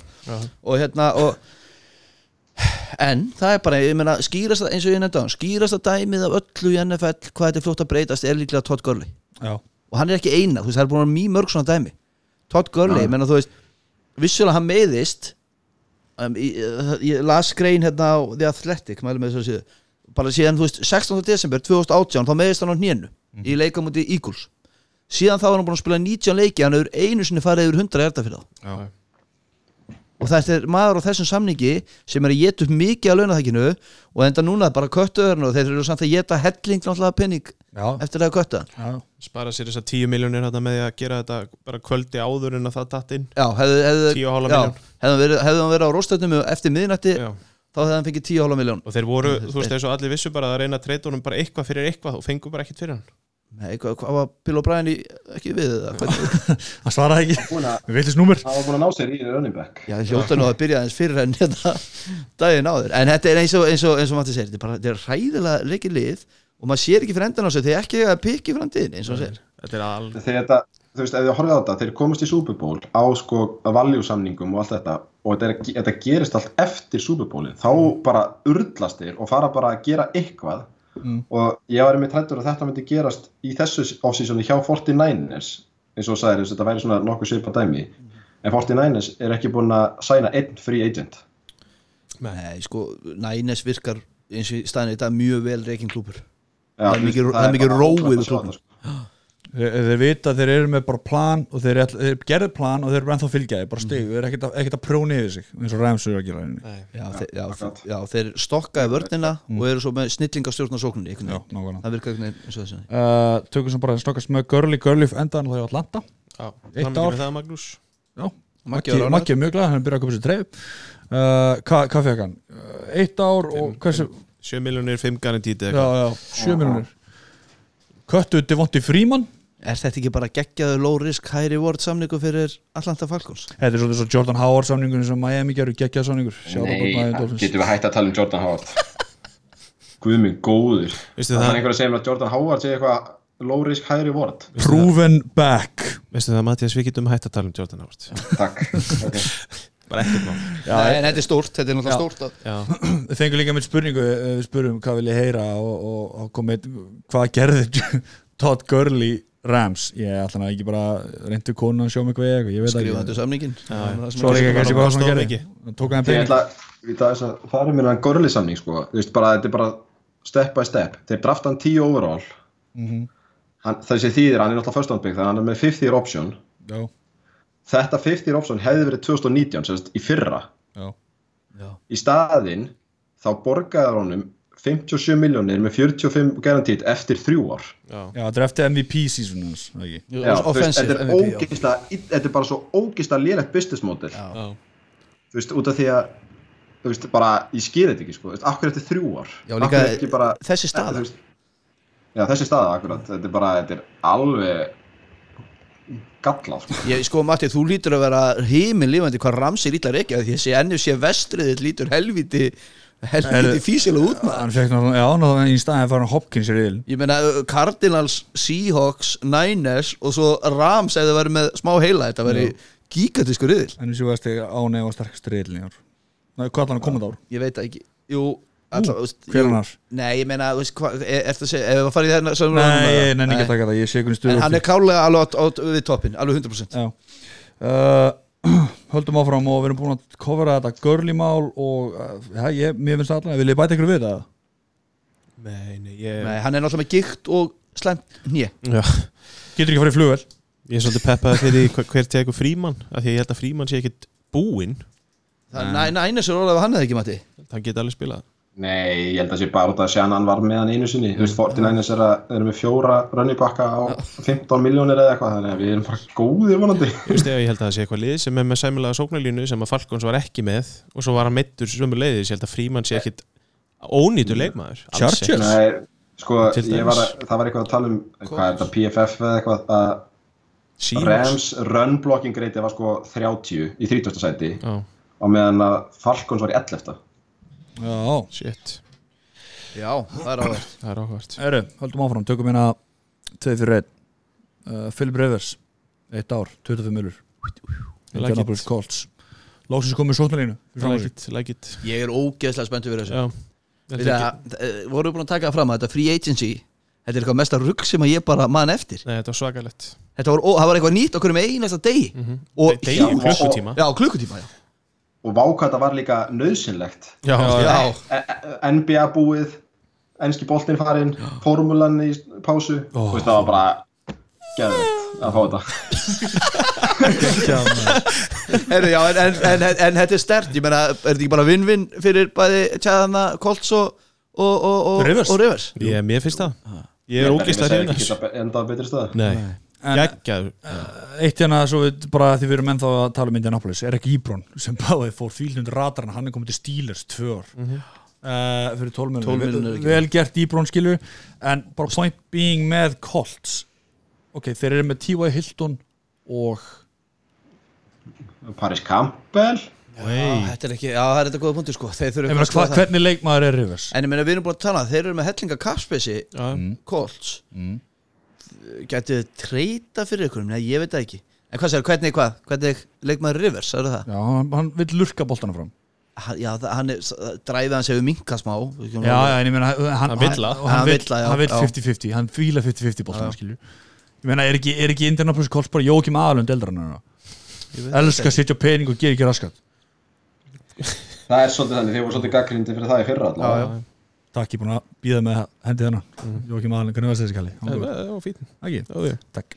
Uh, Hinn, quarterback-samningun, Teddy Bridgewater.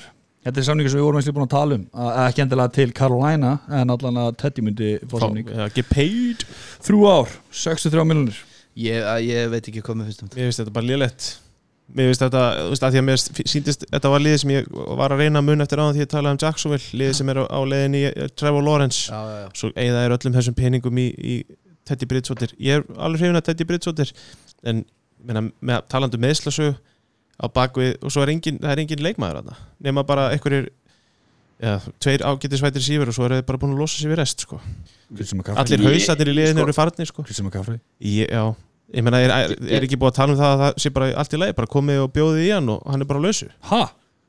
Nei Já, já, þú veist, Já, já. sko, þeir er, þú veist, þetta er ógeðslega skrítið, þeir, þeir eru sko í svakalegu rýpildli, uh, uh, finnst mér, út af því að þeir eru að taka svona low-level gæja og tveggja ára samninga, eitthvað svona, örglega sem er þetta kött eftir eitt ár, mm Mhm. og, en sem Teddy þá er sko, þetta gæti valla verið betri sókn fyrir hann, þetta eru þrýr gæjar sem eru góðir eftir the catch, þú veist, það er, hérna, Já, DJ Moore sem er einn besti the catch verðarni síður í dildinni já, og Curtis Samuel. Já. og hann er, það eina sem hann gerir virkilega vel er að finna gæja in space. Já, já, það er svo sem góða punktur. Og með Joe Brady sem er, þú veist hvað, næsta superstjarnan í offensive coordinator. Þetta gæti alveg sko skemmtilegt að horfa á þó að hann sjálfur sé ekki spennandi. Mm. Já, já, það er góða punktur. Mér finnst þetta bara svo skrítið hvernig þeir hafa verið að vinna þetta off-season. Já, þetta er alveg meingallað fyrst mér, sko. Já, já, Kveðja Kam, gleyma ringjan Sæna Teddy.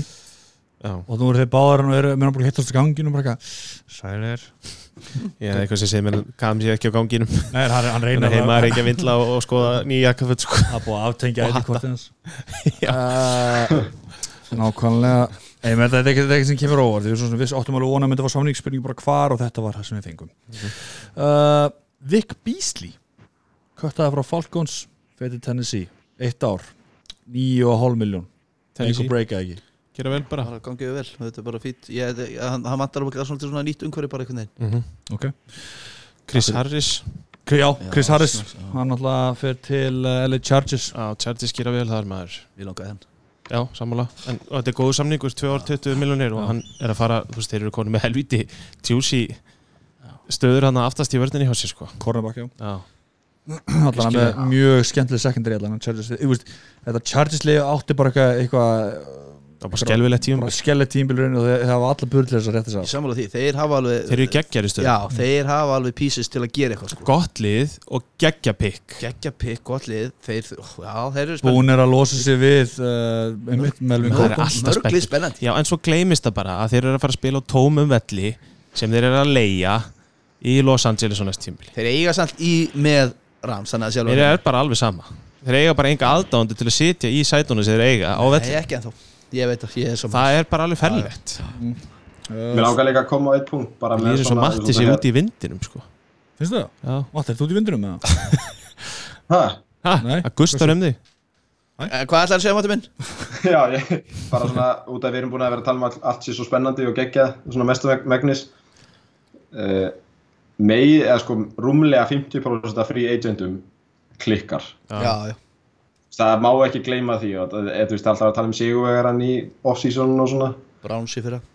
Lansi fyrra, en það er alltaf veist, það er alveg ástæð fyrir þessi gæjar eru Ég er alveg samanlega það, ég ætla samt að segja að þetta er óvinnlegt free agents að því leitunum til að það eru svo margir QB-ar að skipta um stöðu og Já, svona er- þetta er stór, nöfnað þetta hefur ekki oft verið svona áður. Svo við erum ekki að sjá, þú veist, hana, Rivers uh, þú veist, Tanna er farin að nýja og svona, við svolítið stóra sögur í gangi núna. Já, samanlega, samanlega algjörlega.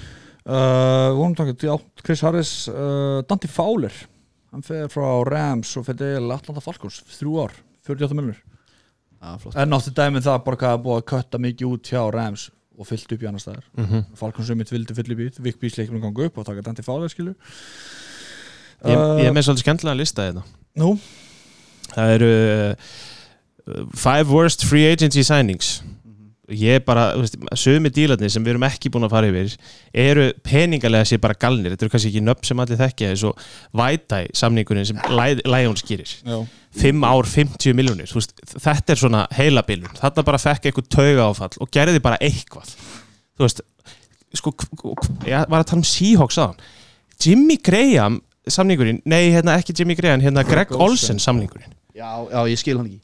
Hvað erum við að gera þar? Úst, það er svo margt sem að maður svona Randall Cobb samningurinn er alveg út á túnni uh, Trey Veins til Bengals og það er annar lið sem er bara rekið þú veist, þeir þykist ekki eina eða penninga og svo gefa þér Trey Veins 30 ára 42 miljón dólar samning. Maður er bara, ég er bara, þú veist Já, Bengals sem sagt. Bengals. Já. Já, þeir fengu sko Mackenzie Alexander frá Vikingsum mitt líka á eitt ár fjórumilnur og hann er sko beti hann er töluvert veist, er, veist, það er bara óþægilegt að horfa á þetta ennum einsamling sko. en Greg Olsen sko, 7 miljónir ég, bara, ég fæ bara hausverk sko hann fyrir í flokk með Jimmy Graham samningnum þetta er hann, var var komið annan fótinn inn í búð sko, Já, að já. maður var bara að vona það En það var hann góður í því virkilega, virkilega. svo er líka George Fant Mm. þá sem að fylgjast með ólæninu sem Mhm. hann fótti Jets, backup tackle hjá Seahawks. Þú veist, þú þarfst að vera ansi lélugur til að vera ekki starter hjá Seahawks ólæninu já, einmitt.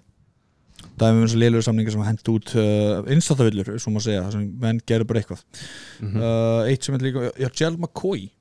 Við vorum búin að hefna það. Þryggja samningur, 18 miljonir bara, ég, ég ég er hefinn að Til því. Það vel gert. Það já, ekki? við skilja Akkur svona, fyll upp í leikmaður Fór frá hann á Tampa, fór eitt ár til Panthers og síðan sæna til Cowboys. Mhm. Þú vil á hann að skilja maður. Svo eru Denver líka búin að gera alveg fullt af hlutum. Erum við ekki, uh, hrifin sko já, Fengu hann að Melvin Gordon hefur í dag, 2 ár, 16 miljonir. Ef hvort okkur finnst það ekki svona gott Nei, að það er það. En bara því ég er með henn fyrir skilju ég er bara ekki hrifin að því. Og það er ekki reynaði, Nei. en það kemur með ekki veist, Það er eitthvað minnsti Melvin Gordon maður. Melvin Gordon maður sem Já. Matti? En þetta er bara svo skrítið, þú veist, þetta er lið og það, það er náttúrulega bara búið að vera í umræðin í síðustu hvað, fimm árin eða eitthvað að þú eigir ekki að borga running backum. Þeir fá undrafted free agent í hérna, hvað heitir hann? okkar stólur mér, hérna Lindsay. Já, og hann er góður í tvö ár þú veist, og þeir fá hann nánast frítt, þú veist, hann er á eina miljón ári eða eitthvað, svo faraði bara á kaupa Melvin Gordon og hvað er þetta? 8 miljón ári, já, Já.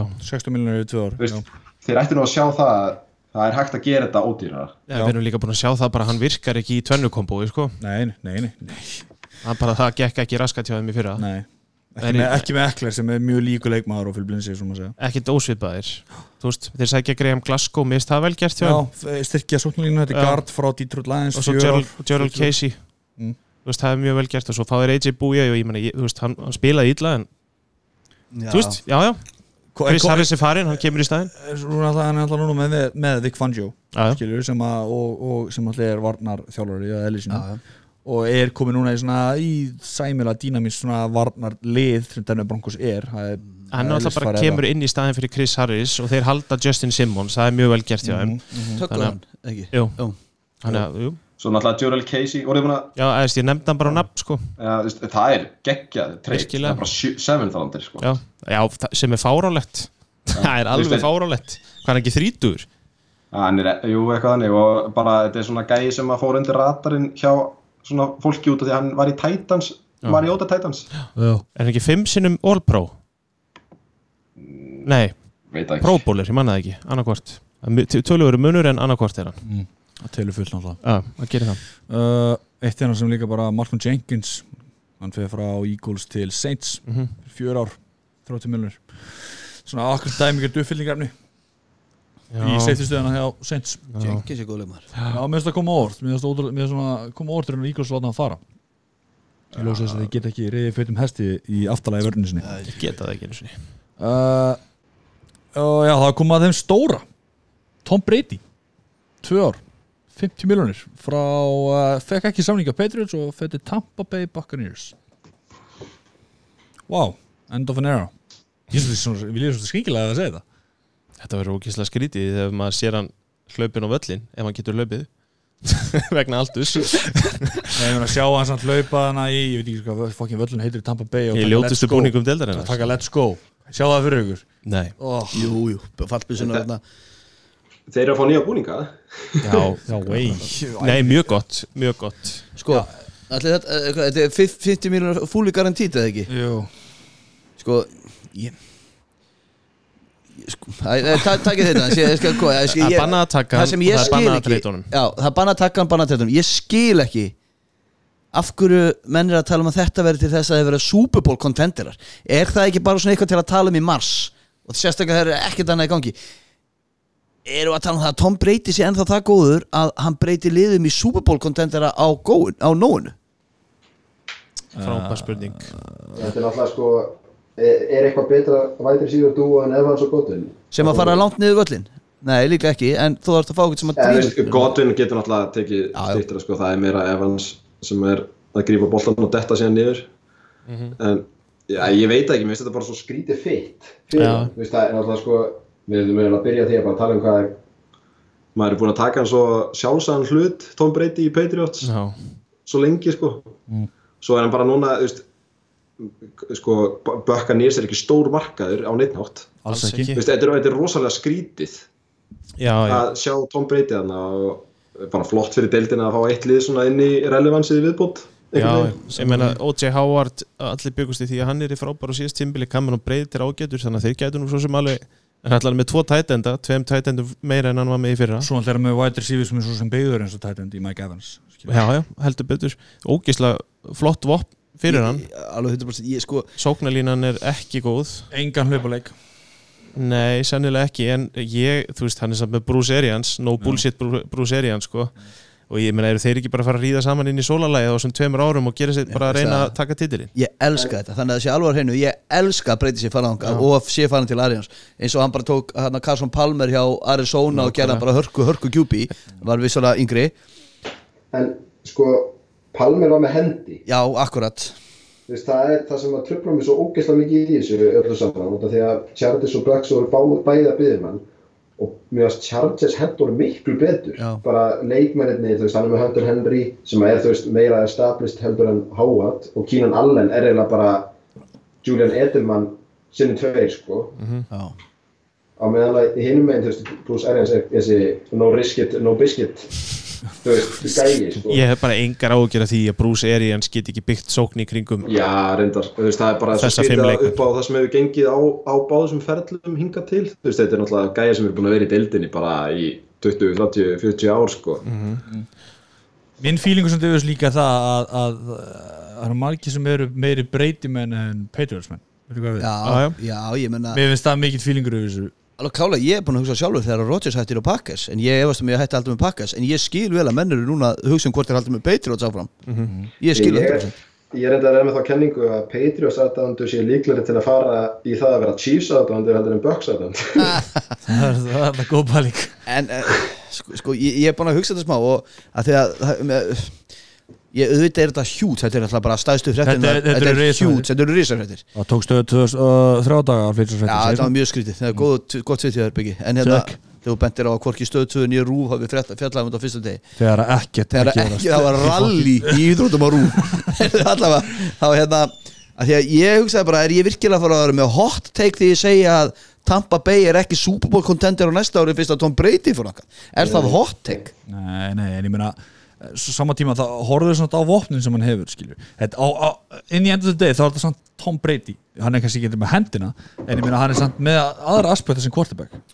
Ég nú samanlega því að Peyton Manning, Peyton Manning var ennþá Peyton Manning á síðasta tímabilinu sinu þar sem hann vann nota benni Super Bowl Já. en var hræðilugur Já, já, há- að vörnin vann, ég meina, uh, Brock Osweiler sló Peyton Manning út úr liðinu síðasta árið sem hann vann Super Bowl svo bara kom hann aftur inn. Já, en hann var ennþá Peyton Manning. Já Fadir tími veist, byrju, það, er, það er ekki út af nýja kjærasamningunum þá við eigum að fá eitt aukalið sikkur megin við í play-offs Já. á þar næsta tímabili Já, ekki núna. næsta sko. Já, Matti minn, reistu nú við og setja allir hókin í bakinu eins og úlingur Já, fyrir ekki, hérna Já, bara að spá, þú veist e- þeir komast í play-offs eða ekki ég Jú. veit það ekki, Jú. af hverju segir það Já, já, Eh, NFC megin já.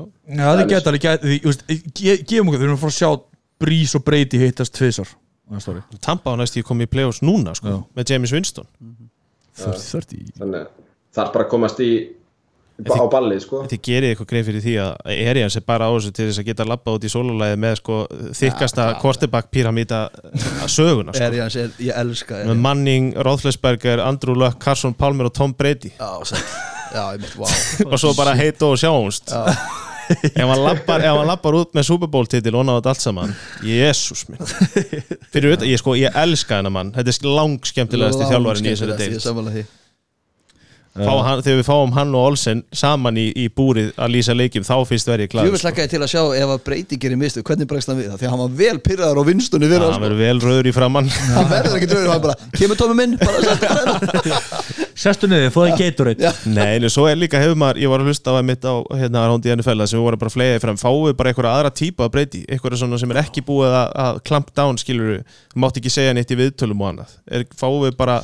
svolítið frjálsar í breyti, það getur alveg verið ég er alveg sammálaðir að höndin á honum er ekki eins sterk og hún var, en ég menna, þetta er samt, er samt Tom Brady, við vitum ekkert nákvæmlega Ég er sammála, Hvað er að þetta, frétta þarna, sko? þetta er mestu vinnir sögunar og, hérna, og ég er úr sammálaður, ég er ekki afskráðan Nei, en mér finnst samt skrítið að sé talað með henni svo sé bara 2004 breyti sko. Já, ég meina, ef að, veist, það gæti samt líka bara lift klubnum, kannski fara menn Já. bara að rífa sig aðeins í gang, sóknarlínan verður aðeins betri Hend- menning, já. já, henda sér út og sækja, þú veist hvað, Devonte Freeman eða eitthvað í hlaupaleikin Veist, þá er þetta bara orðið helvíti stíft lið sko. Gæti líka verið svona statement fyrir leikmenn bara svona, við ætlum að vinna skilur, við erum komin að við fengum hennar leikmenn og segja vera til þess að reyna að vinna eitthvað skilur, Já, það, alveg, þú veist, alveg. að, það geti að breyta mentaltínu skilur, ríða menn að banna level skilur. Fyrir utan að þeir fara sko úr James fucking Winston sem er bara eitthvað skrítnasti veist, það sem að sjá vindputanum sem að geta tvövaldu vaffið.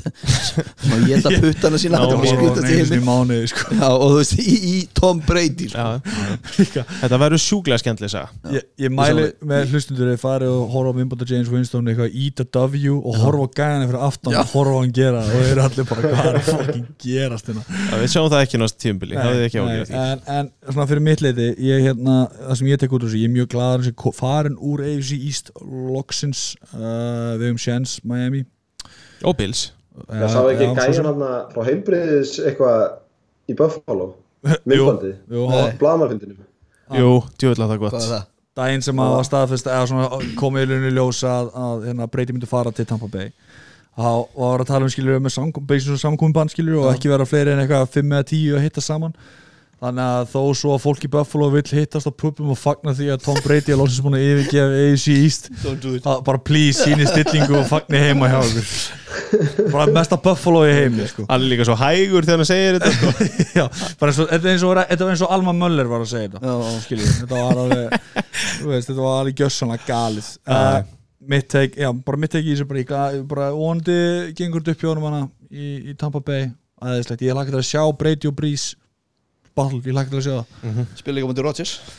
Hann átti ekki að gera það eftir á ferðinum Það verður Tampa Bay Packers. það er Það Tampa, gæti- ég meina- í Tampa Bay eða Já, í, Tampa. Ó. Ég tjekkaði því. En hérna, ég meina, það getur mér að segja verið Fyrsti leikur. Betra viður tímursins já, Já, breyti ég betra Breyti veðri uh, Rodgers, ég meina af hverju ekki? Að, veist, þá eftir að ræða náttúrulega niður. Mm. þannig að þegar við byrjum tímabilið í november og þar næsta ári þá, þá hérna þá var Breyti honum 46 ára.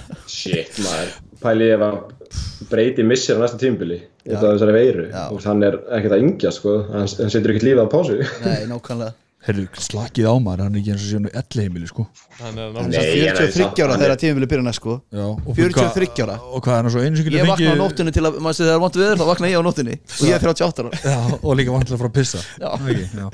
Uh, Það voru svo sem búin að kofara þessa samninga en það var fullt af töggum það var að henda út töggum hæra vinstri. Það sem að liði geta franchise takað leikmenn.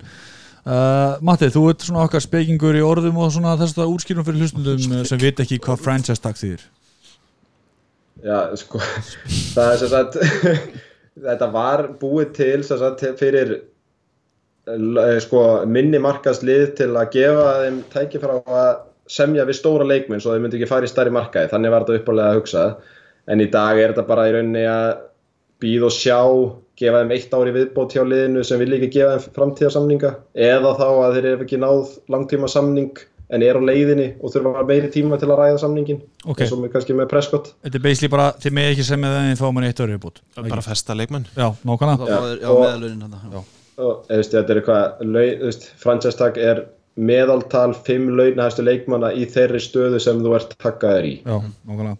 Tökum dæmi, ef quarterback er franchise taggar eins og Dag Prescott að fara hann 26 miljonir bara svona til að fólk hafi eitthvað svona viðmið. Uh, ég, ég ætla að renna bara niður listan er bara komið inn í ég vilja grípa og ræða þetta. Anthony Harris er taggar af Vikings uh, strong safety. Joe Tooney er taggar hjá, hjá Patriots hann er, hann er off- offensive guard í sóttanlílinni Þess vegna heldur menn að breyti myndi kannski að áfram Já. fyrst þið voru að halda á Já, honum mér finnst það- það gott takk, ég, ég skil takk hjá Patriots. Uh, Kenyan Drake er taggar hjá hérna, Cardinals. Velgjast mjög gott takk. Það er svona transition tag sko, ekki franchise tag Já, transition tag fyrir ekki þannig að þú veist, ef að eitthvað lið býður um samling þá hafa Cardinals séns á að jafna. Það Ekki. uh, AJ Green fær hann franchise tag uh, hjá Bengals. Já. Það komur óvart. Hæ? Nei, það kom ekki Ég óvart finnst það eðlilegast að takja þeim öllum. Finnst það? Já, ekki búin að spila nýtt að viti í tvö ár sko. Nei, en uh, það var líka því að hann vildi ekki spila okkur um tíumbútið, þess vegna komur þetta smá óvart en, en, nei, nei, hún skilur þetta alveg. Uh, Derek Henry náttúrulega fær hann franchise tag líka. Já, mögulega samling að vera að tala um það. Um, Dag Prescott fær hann franchise tag eins og tölum við maðan við erum svo búin að cover þessa tvo. Aha. Uh, Bud Dupree outside linebacker á Pittsburgh Steelers hann fær franchise tag ætla bara að tryggja þessa vörn áfram sem var mjög góð hjá Steelers uh, árið sem við líða. Chris Jones hjá Kansas City Chiefs hann fær, hann er takkaður. Það er eðlilegast að í þessu öllu Já, ég held að já, líka já, já. Vann súból fyrir það ég. Já, og var samt tæpur. Já, tæpur, og þannig að veist, það, það er það ekki yfirleitt þannig. Jú. menn eru búin að vera meittir og eitthvað þá eru þeir takkaðir, fá ekki langtíma samning. En þetta eru samt leikmenn sem hefðu fengið samninga ef þeir hefðu orðið free agents, ekki Huge spurning. samningar. Já, stóra- risasamningar. risasamningar, sko. Mm uh, Shaq Barrett hann alltaf þessi hérna tímabil öskubusku en svolítið þess að, þú veist, fyrir utan ræðin þannig þá var þetta eða mest öskubusku. Eitt, frábært tíumbil framúrskarandi og tíumbil þeir ætla kannski að skoða, heyrðu tökum að núna, ef hann á annað svona þá kannski skoðu já. outside linebacker á Tampa Bay. Uh, hann er franchise Leonard Williams hjá New York Giants hann var treytaði til það frá Jets. Þetta er stór skrítið takk hann er takkaður, það er eins og það er. Já, Þetta er galið. stór skrítið ver, takk versti takkaði franchise leikmaður ever. Já, Öruglega rosalegt sko. Sko Dan Hansus, kollegi okkar Vestanhafs hann er hérna jetsettáðandi og hann var þar og hann sagði hann er snillingur því að komast að kjúpiðunum og snerta hann rétt eftir hann og sleipa boltan þú takkar ekki þannig menn. Nei, er þetta ekki bara smá svona Giants eitthvað við ætlum að taka hann.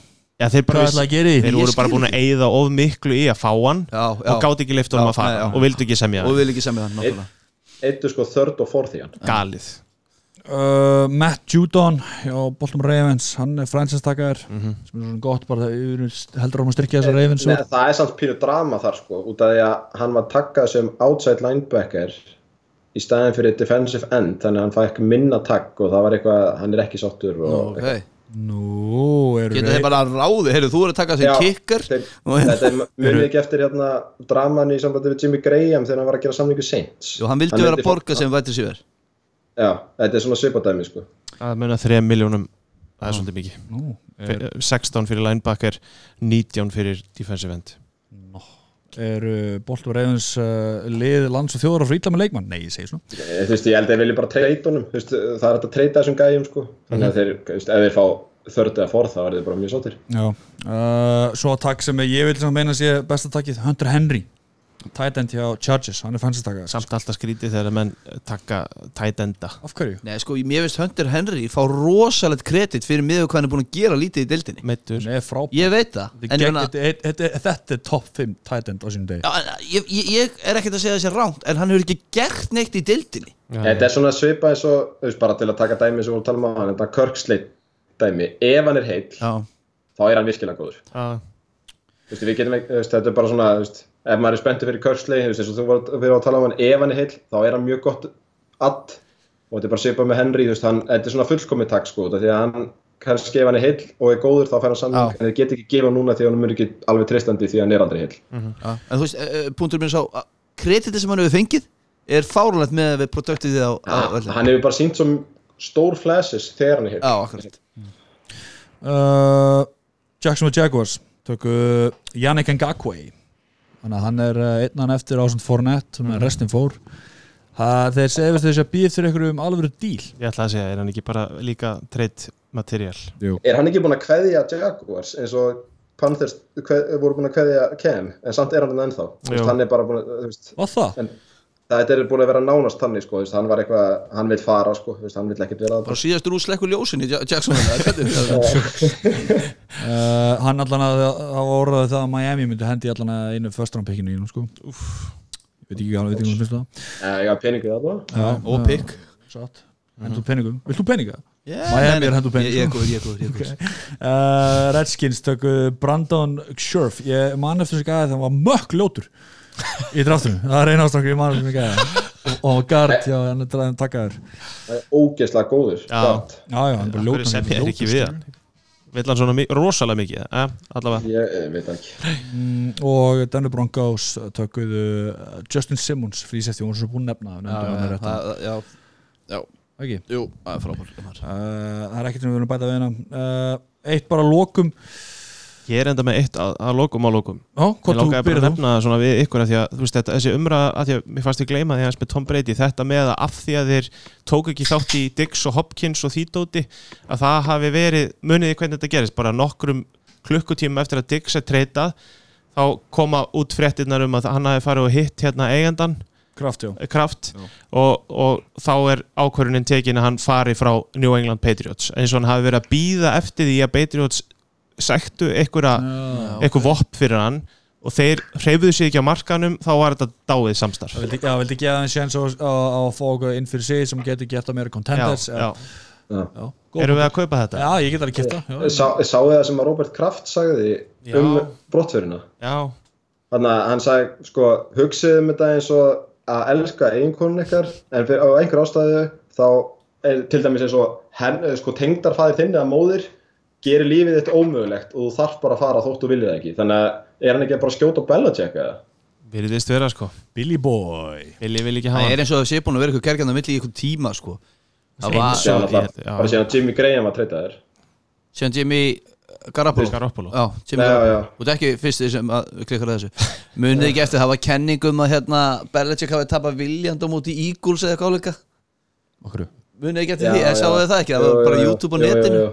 Það sem að breyti er að lappa að peppa menn upp og þessi voru að koma tilbaka eitthvað og sér Belichick, sest beint niður eitthvað svona og að hann hafi svona verið eitthvað svona já, hafi viljað, þetta er bara náttúrulega algjör kjaftaði en það er samt greinilega búið að vera eitthvað undirliggjandi þarna Já. og þessi skipti frá breyti, það er greinilega eitthvað mikið að þarna, Já. það er ekki bara einn eða tveir dicks þarna sko Nei. sem vantaði. Nei, nei Einn eða tvei digs, skemmtilegt uh, Ég var til að sjá allan að hvað uh, er framöndan Já, þetta var skemmtilegt, þetta var skemmtilegt input sem loka-loka Ég er nú búin að gleyma hvað mitt loka-loka var Já, það var á bílu Viljum við fara yfir þá sem eru eftir á markanum? Já, endilega, það er við veist, náttúrulega- er Kláni.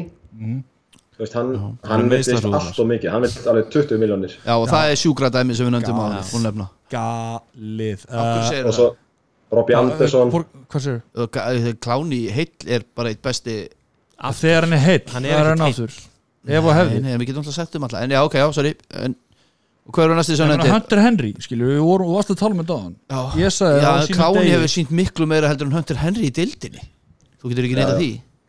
Ég get ekki neitað það, en ég- fyrir mína Ég ætla sakir samt að Ég ætla svo samt að taka sem það, því mér finnst fyrir mitt leiti, skilur, mér finnst eins og J- Kláni, mér finnst bara þetta er svona típus leikmann sem vill bara fá borgan eitar að taka og er bara með vesen, skilur, fattar mig og vill fá alltaf mikið borgað með að við fyrrum injury sög það er það sem ég tók út Já, ég skil hvað uh, Já, Matti, haldur hann Já, þetta er náttúrulega Robbie Anderson. Þú veist, hann vil líka á mikið með við það sem lið vilja gefa 15 honum eða ekki?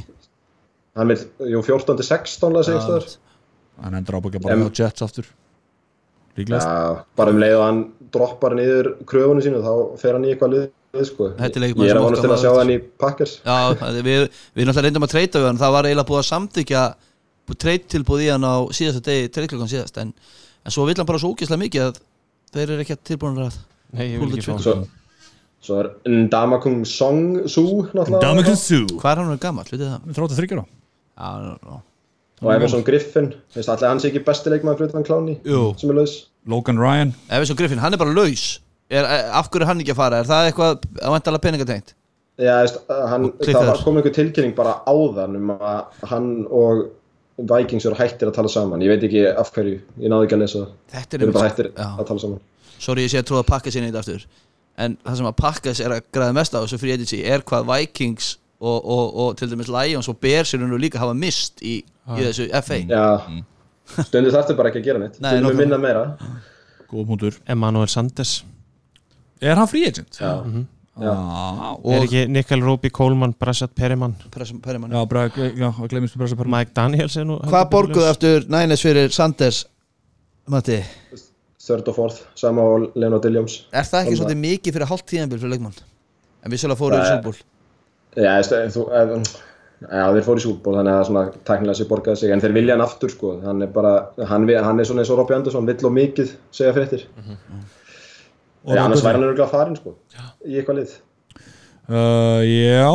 Svo er eitthvað lið sem á eftir að henda sér á Jason Peters 38 ára, left tackle. Drullu góður. Já. Já, uh, maður sé ég er að ykkur hérna uh, Prinsa Mogamara, hann líka. Ég er að fá Það er ennþá leikmenn samt eftir sko. Herru, haha Clinton Dix, hann sennaði hjá hann Já, sennaði hjá að Dallas. Uppáðast leikmaður þinn? Upp á þessu leikmann, hann getur ekki raskat og hérna, alveg sjokkar að liði sig ekki að semja með hann aftur og aftur Hann var eitthvað ágættur hjá Cowboys, já, nei hjá Bears í fyrir, ég skal við ekki en hann er ekki nokkur. Já, ég menn líka bara, þú veist, svona gæði eins og Tyler Eifert með Ísla hrúaskilur, þetta vanti Freeman, Carlos Hyde uh, Gabriel, hérna, veitur sér hjá Bears, hann líka lús eftir, Já, búin að nefna Taylor Gabriel, já, já. alveg ennþá leikmenn út á markanum sem eru á lausu. Þú veist, þetta er svona góðu liðin eru á leiðin í þetta. Já, akkurat. Ódýru gæjana hann er allan að áhvert að sjá eh, eins og þetta frí, þetta frí sem sé alls ekki búið allan nóg eftir og, og, og það verður eitthvað svona sæni sem er fallandi radarinn næstu dag.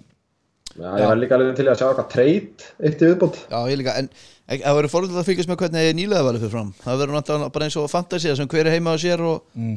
og enginn á staðnum og enginn til að knúsa gott el Nei, hvernig hérna Nei, ég, já, hvað sérum, Matti? Æ, það var bara að koma tilkynning áðan með við vorum að tala, Godel ætlar ekkert að breyta, þú veist það var náttúrulega búið að tilkynna í síðustu viku að þeir ætla ekki að breyta dagsetningunni á draftinu Nei. og svo út af því að Sean Payton var greindur með korona í hvað gær, eða þú veist það kom í ljós í gær að kannski myndi þeir breyta því en hann sagði bara uh, eitthvað í rauninni að þetta var eitthvað sem að fans þurftu bara á þessum tíma eða samfélagi eða eitthvað, þannig að þeir ætla bara halda Já. sér í striki. Það er náttúrulega verið að skoða, ég meni, ef að hál- hálft Saints Organization er í sóttkví í þrjárvíkur eða eitthvað Já, en kannski geta verið nutt allt heima á sér en, en það er kannski það sem mennur hugsa. Geta hvað sem er ekki fengið rúkíana í heimsókn þannig að þeir þurfa hvað sem er bara að horfa á teip og ringi á þannig að þeir geta alveg gert það heima Já, er ekki, er ekki allar heimsóknir hættar er það ekki bara á kompaninu og hvað þarna Jú, jú, það er bara Já. búið sko. Eða, það er ekki, það var ekki gert. Allan að, já, uh, 2003 eða 25. apríl á draftið. 23. apríl þá fer uh, Tua Tagovailoa til Miami. Fakt fakt, fakt um skýt þú ert nú svo tilbúin í að gera svona veðmann svo hoppa í gegnum borð og Nei, ég, ætla, ég er hættur þessu, ég lofaði Karin ég myndi hættur svona að vera heimskur. Já, en þú er væri mjög alveg til að hvað myndir gera að lífið þú er ekki í Dolphins? Já, hvað gerir það að túa fyrir ekki í Dolphins? Ekki? ég fyrir að gráta. Ég mun alltaf ekki skýra dætu er- það er- ég mun líka skýra van og nói en, en ekki, ekki, Ekki Tua. það var alltaf að, að, vera- að mun brjóta hjarta mitt. Hefur lífið breyst mikið eftir að eignast stelpunar? já, ég sef ekkert sko. Nei, ég meina svona, svona horfur öðru við sá Eða, kannski tökum þetta setna já, hvað? Ég er enda, ég sitt í stúdíu með grímu sko. Þú veist, ef, ef, það, ef það segir eitthvað. Herre, Kalli, þú búin að vera lag uh, Valur, þú búin að vera lag útastöðin Birgir Þór, Matti, gef mér lag. Hva- hvað lag er enda á? Nei, takk. Jú, ha? Ha, Nei, hvað meinar Hvað, viltu Ég ekki enda lagi? eða? Ég er ekki tilbúin með lag. Ok. Valur? og ég að taka. Já, máttu vera lag Wish You Were Here með Pink Floyd. Það er svo hvað þetta er einfalt. Hann sagði bara lag Wish You Were Here með Pink Floyd. Þá bara endur sakna Magga svona svakalega. Er tilenga Magnúsi. Já, Magga, við nefndum ekki Já, neitt já, jú, jú, jú Nei, ég nefndum ekki. Jú, nefndum, jú, nefndum. Hérna Torgulli og nefndum Magga. Já, það er rétt. Já, maður. Maggi hérna, en Ég já. er fástasamband Íslands. Uh, Kjellur, ég hveti núna eftir þennan þátt að þrýðar henduna í 20 sekundur og spritta Það er mikilvægt, það er handóttur og uh, virða samkominnbannið og ekkert kjaftaði, það er margir sem er að svindla þar á. Við erum öll almannavarnir, ég minna á það. Við erum, við erum með tvo metra þetta milli okkar í stúdíunum Það er tæpa þó en cirka Já, það er allan þá 2 metrar. Ég er með grímu og því ég tristi engum. Mjög aðeins lengra í matta. Ég sko tölfræðilega séð erum við alveg rúmlega tjó metra frá og tekum Mattias inn í þetta sko. uh, Herru, Þetta eru þessir tímar krakkar. Yes. Fordómalausir uh, tímar. Sagði maðurinn. Endum þetta á uh, Wish You Lýður sér vinn útastöð Já, þú voru að segja nokkuð sem ég er úkstáðan með það. Já, yes. Ég heiti Birgir Þórun Tíu jarðanir, takk, takk, bless, bless. So, so you think you can tell? Heaven from hell, blue skies from pain? Can you tell a green field from a cold steel rail? A smile from a veil. Do you think you can tell?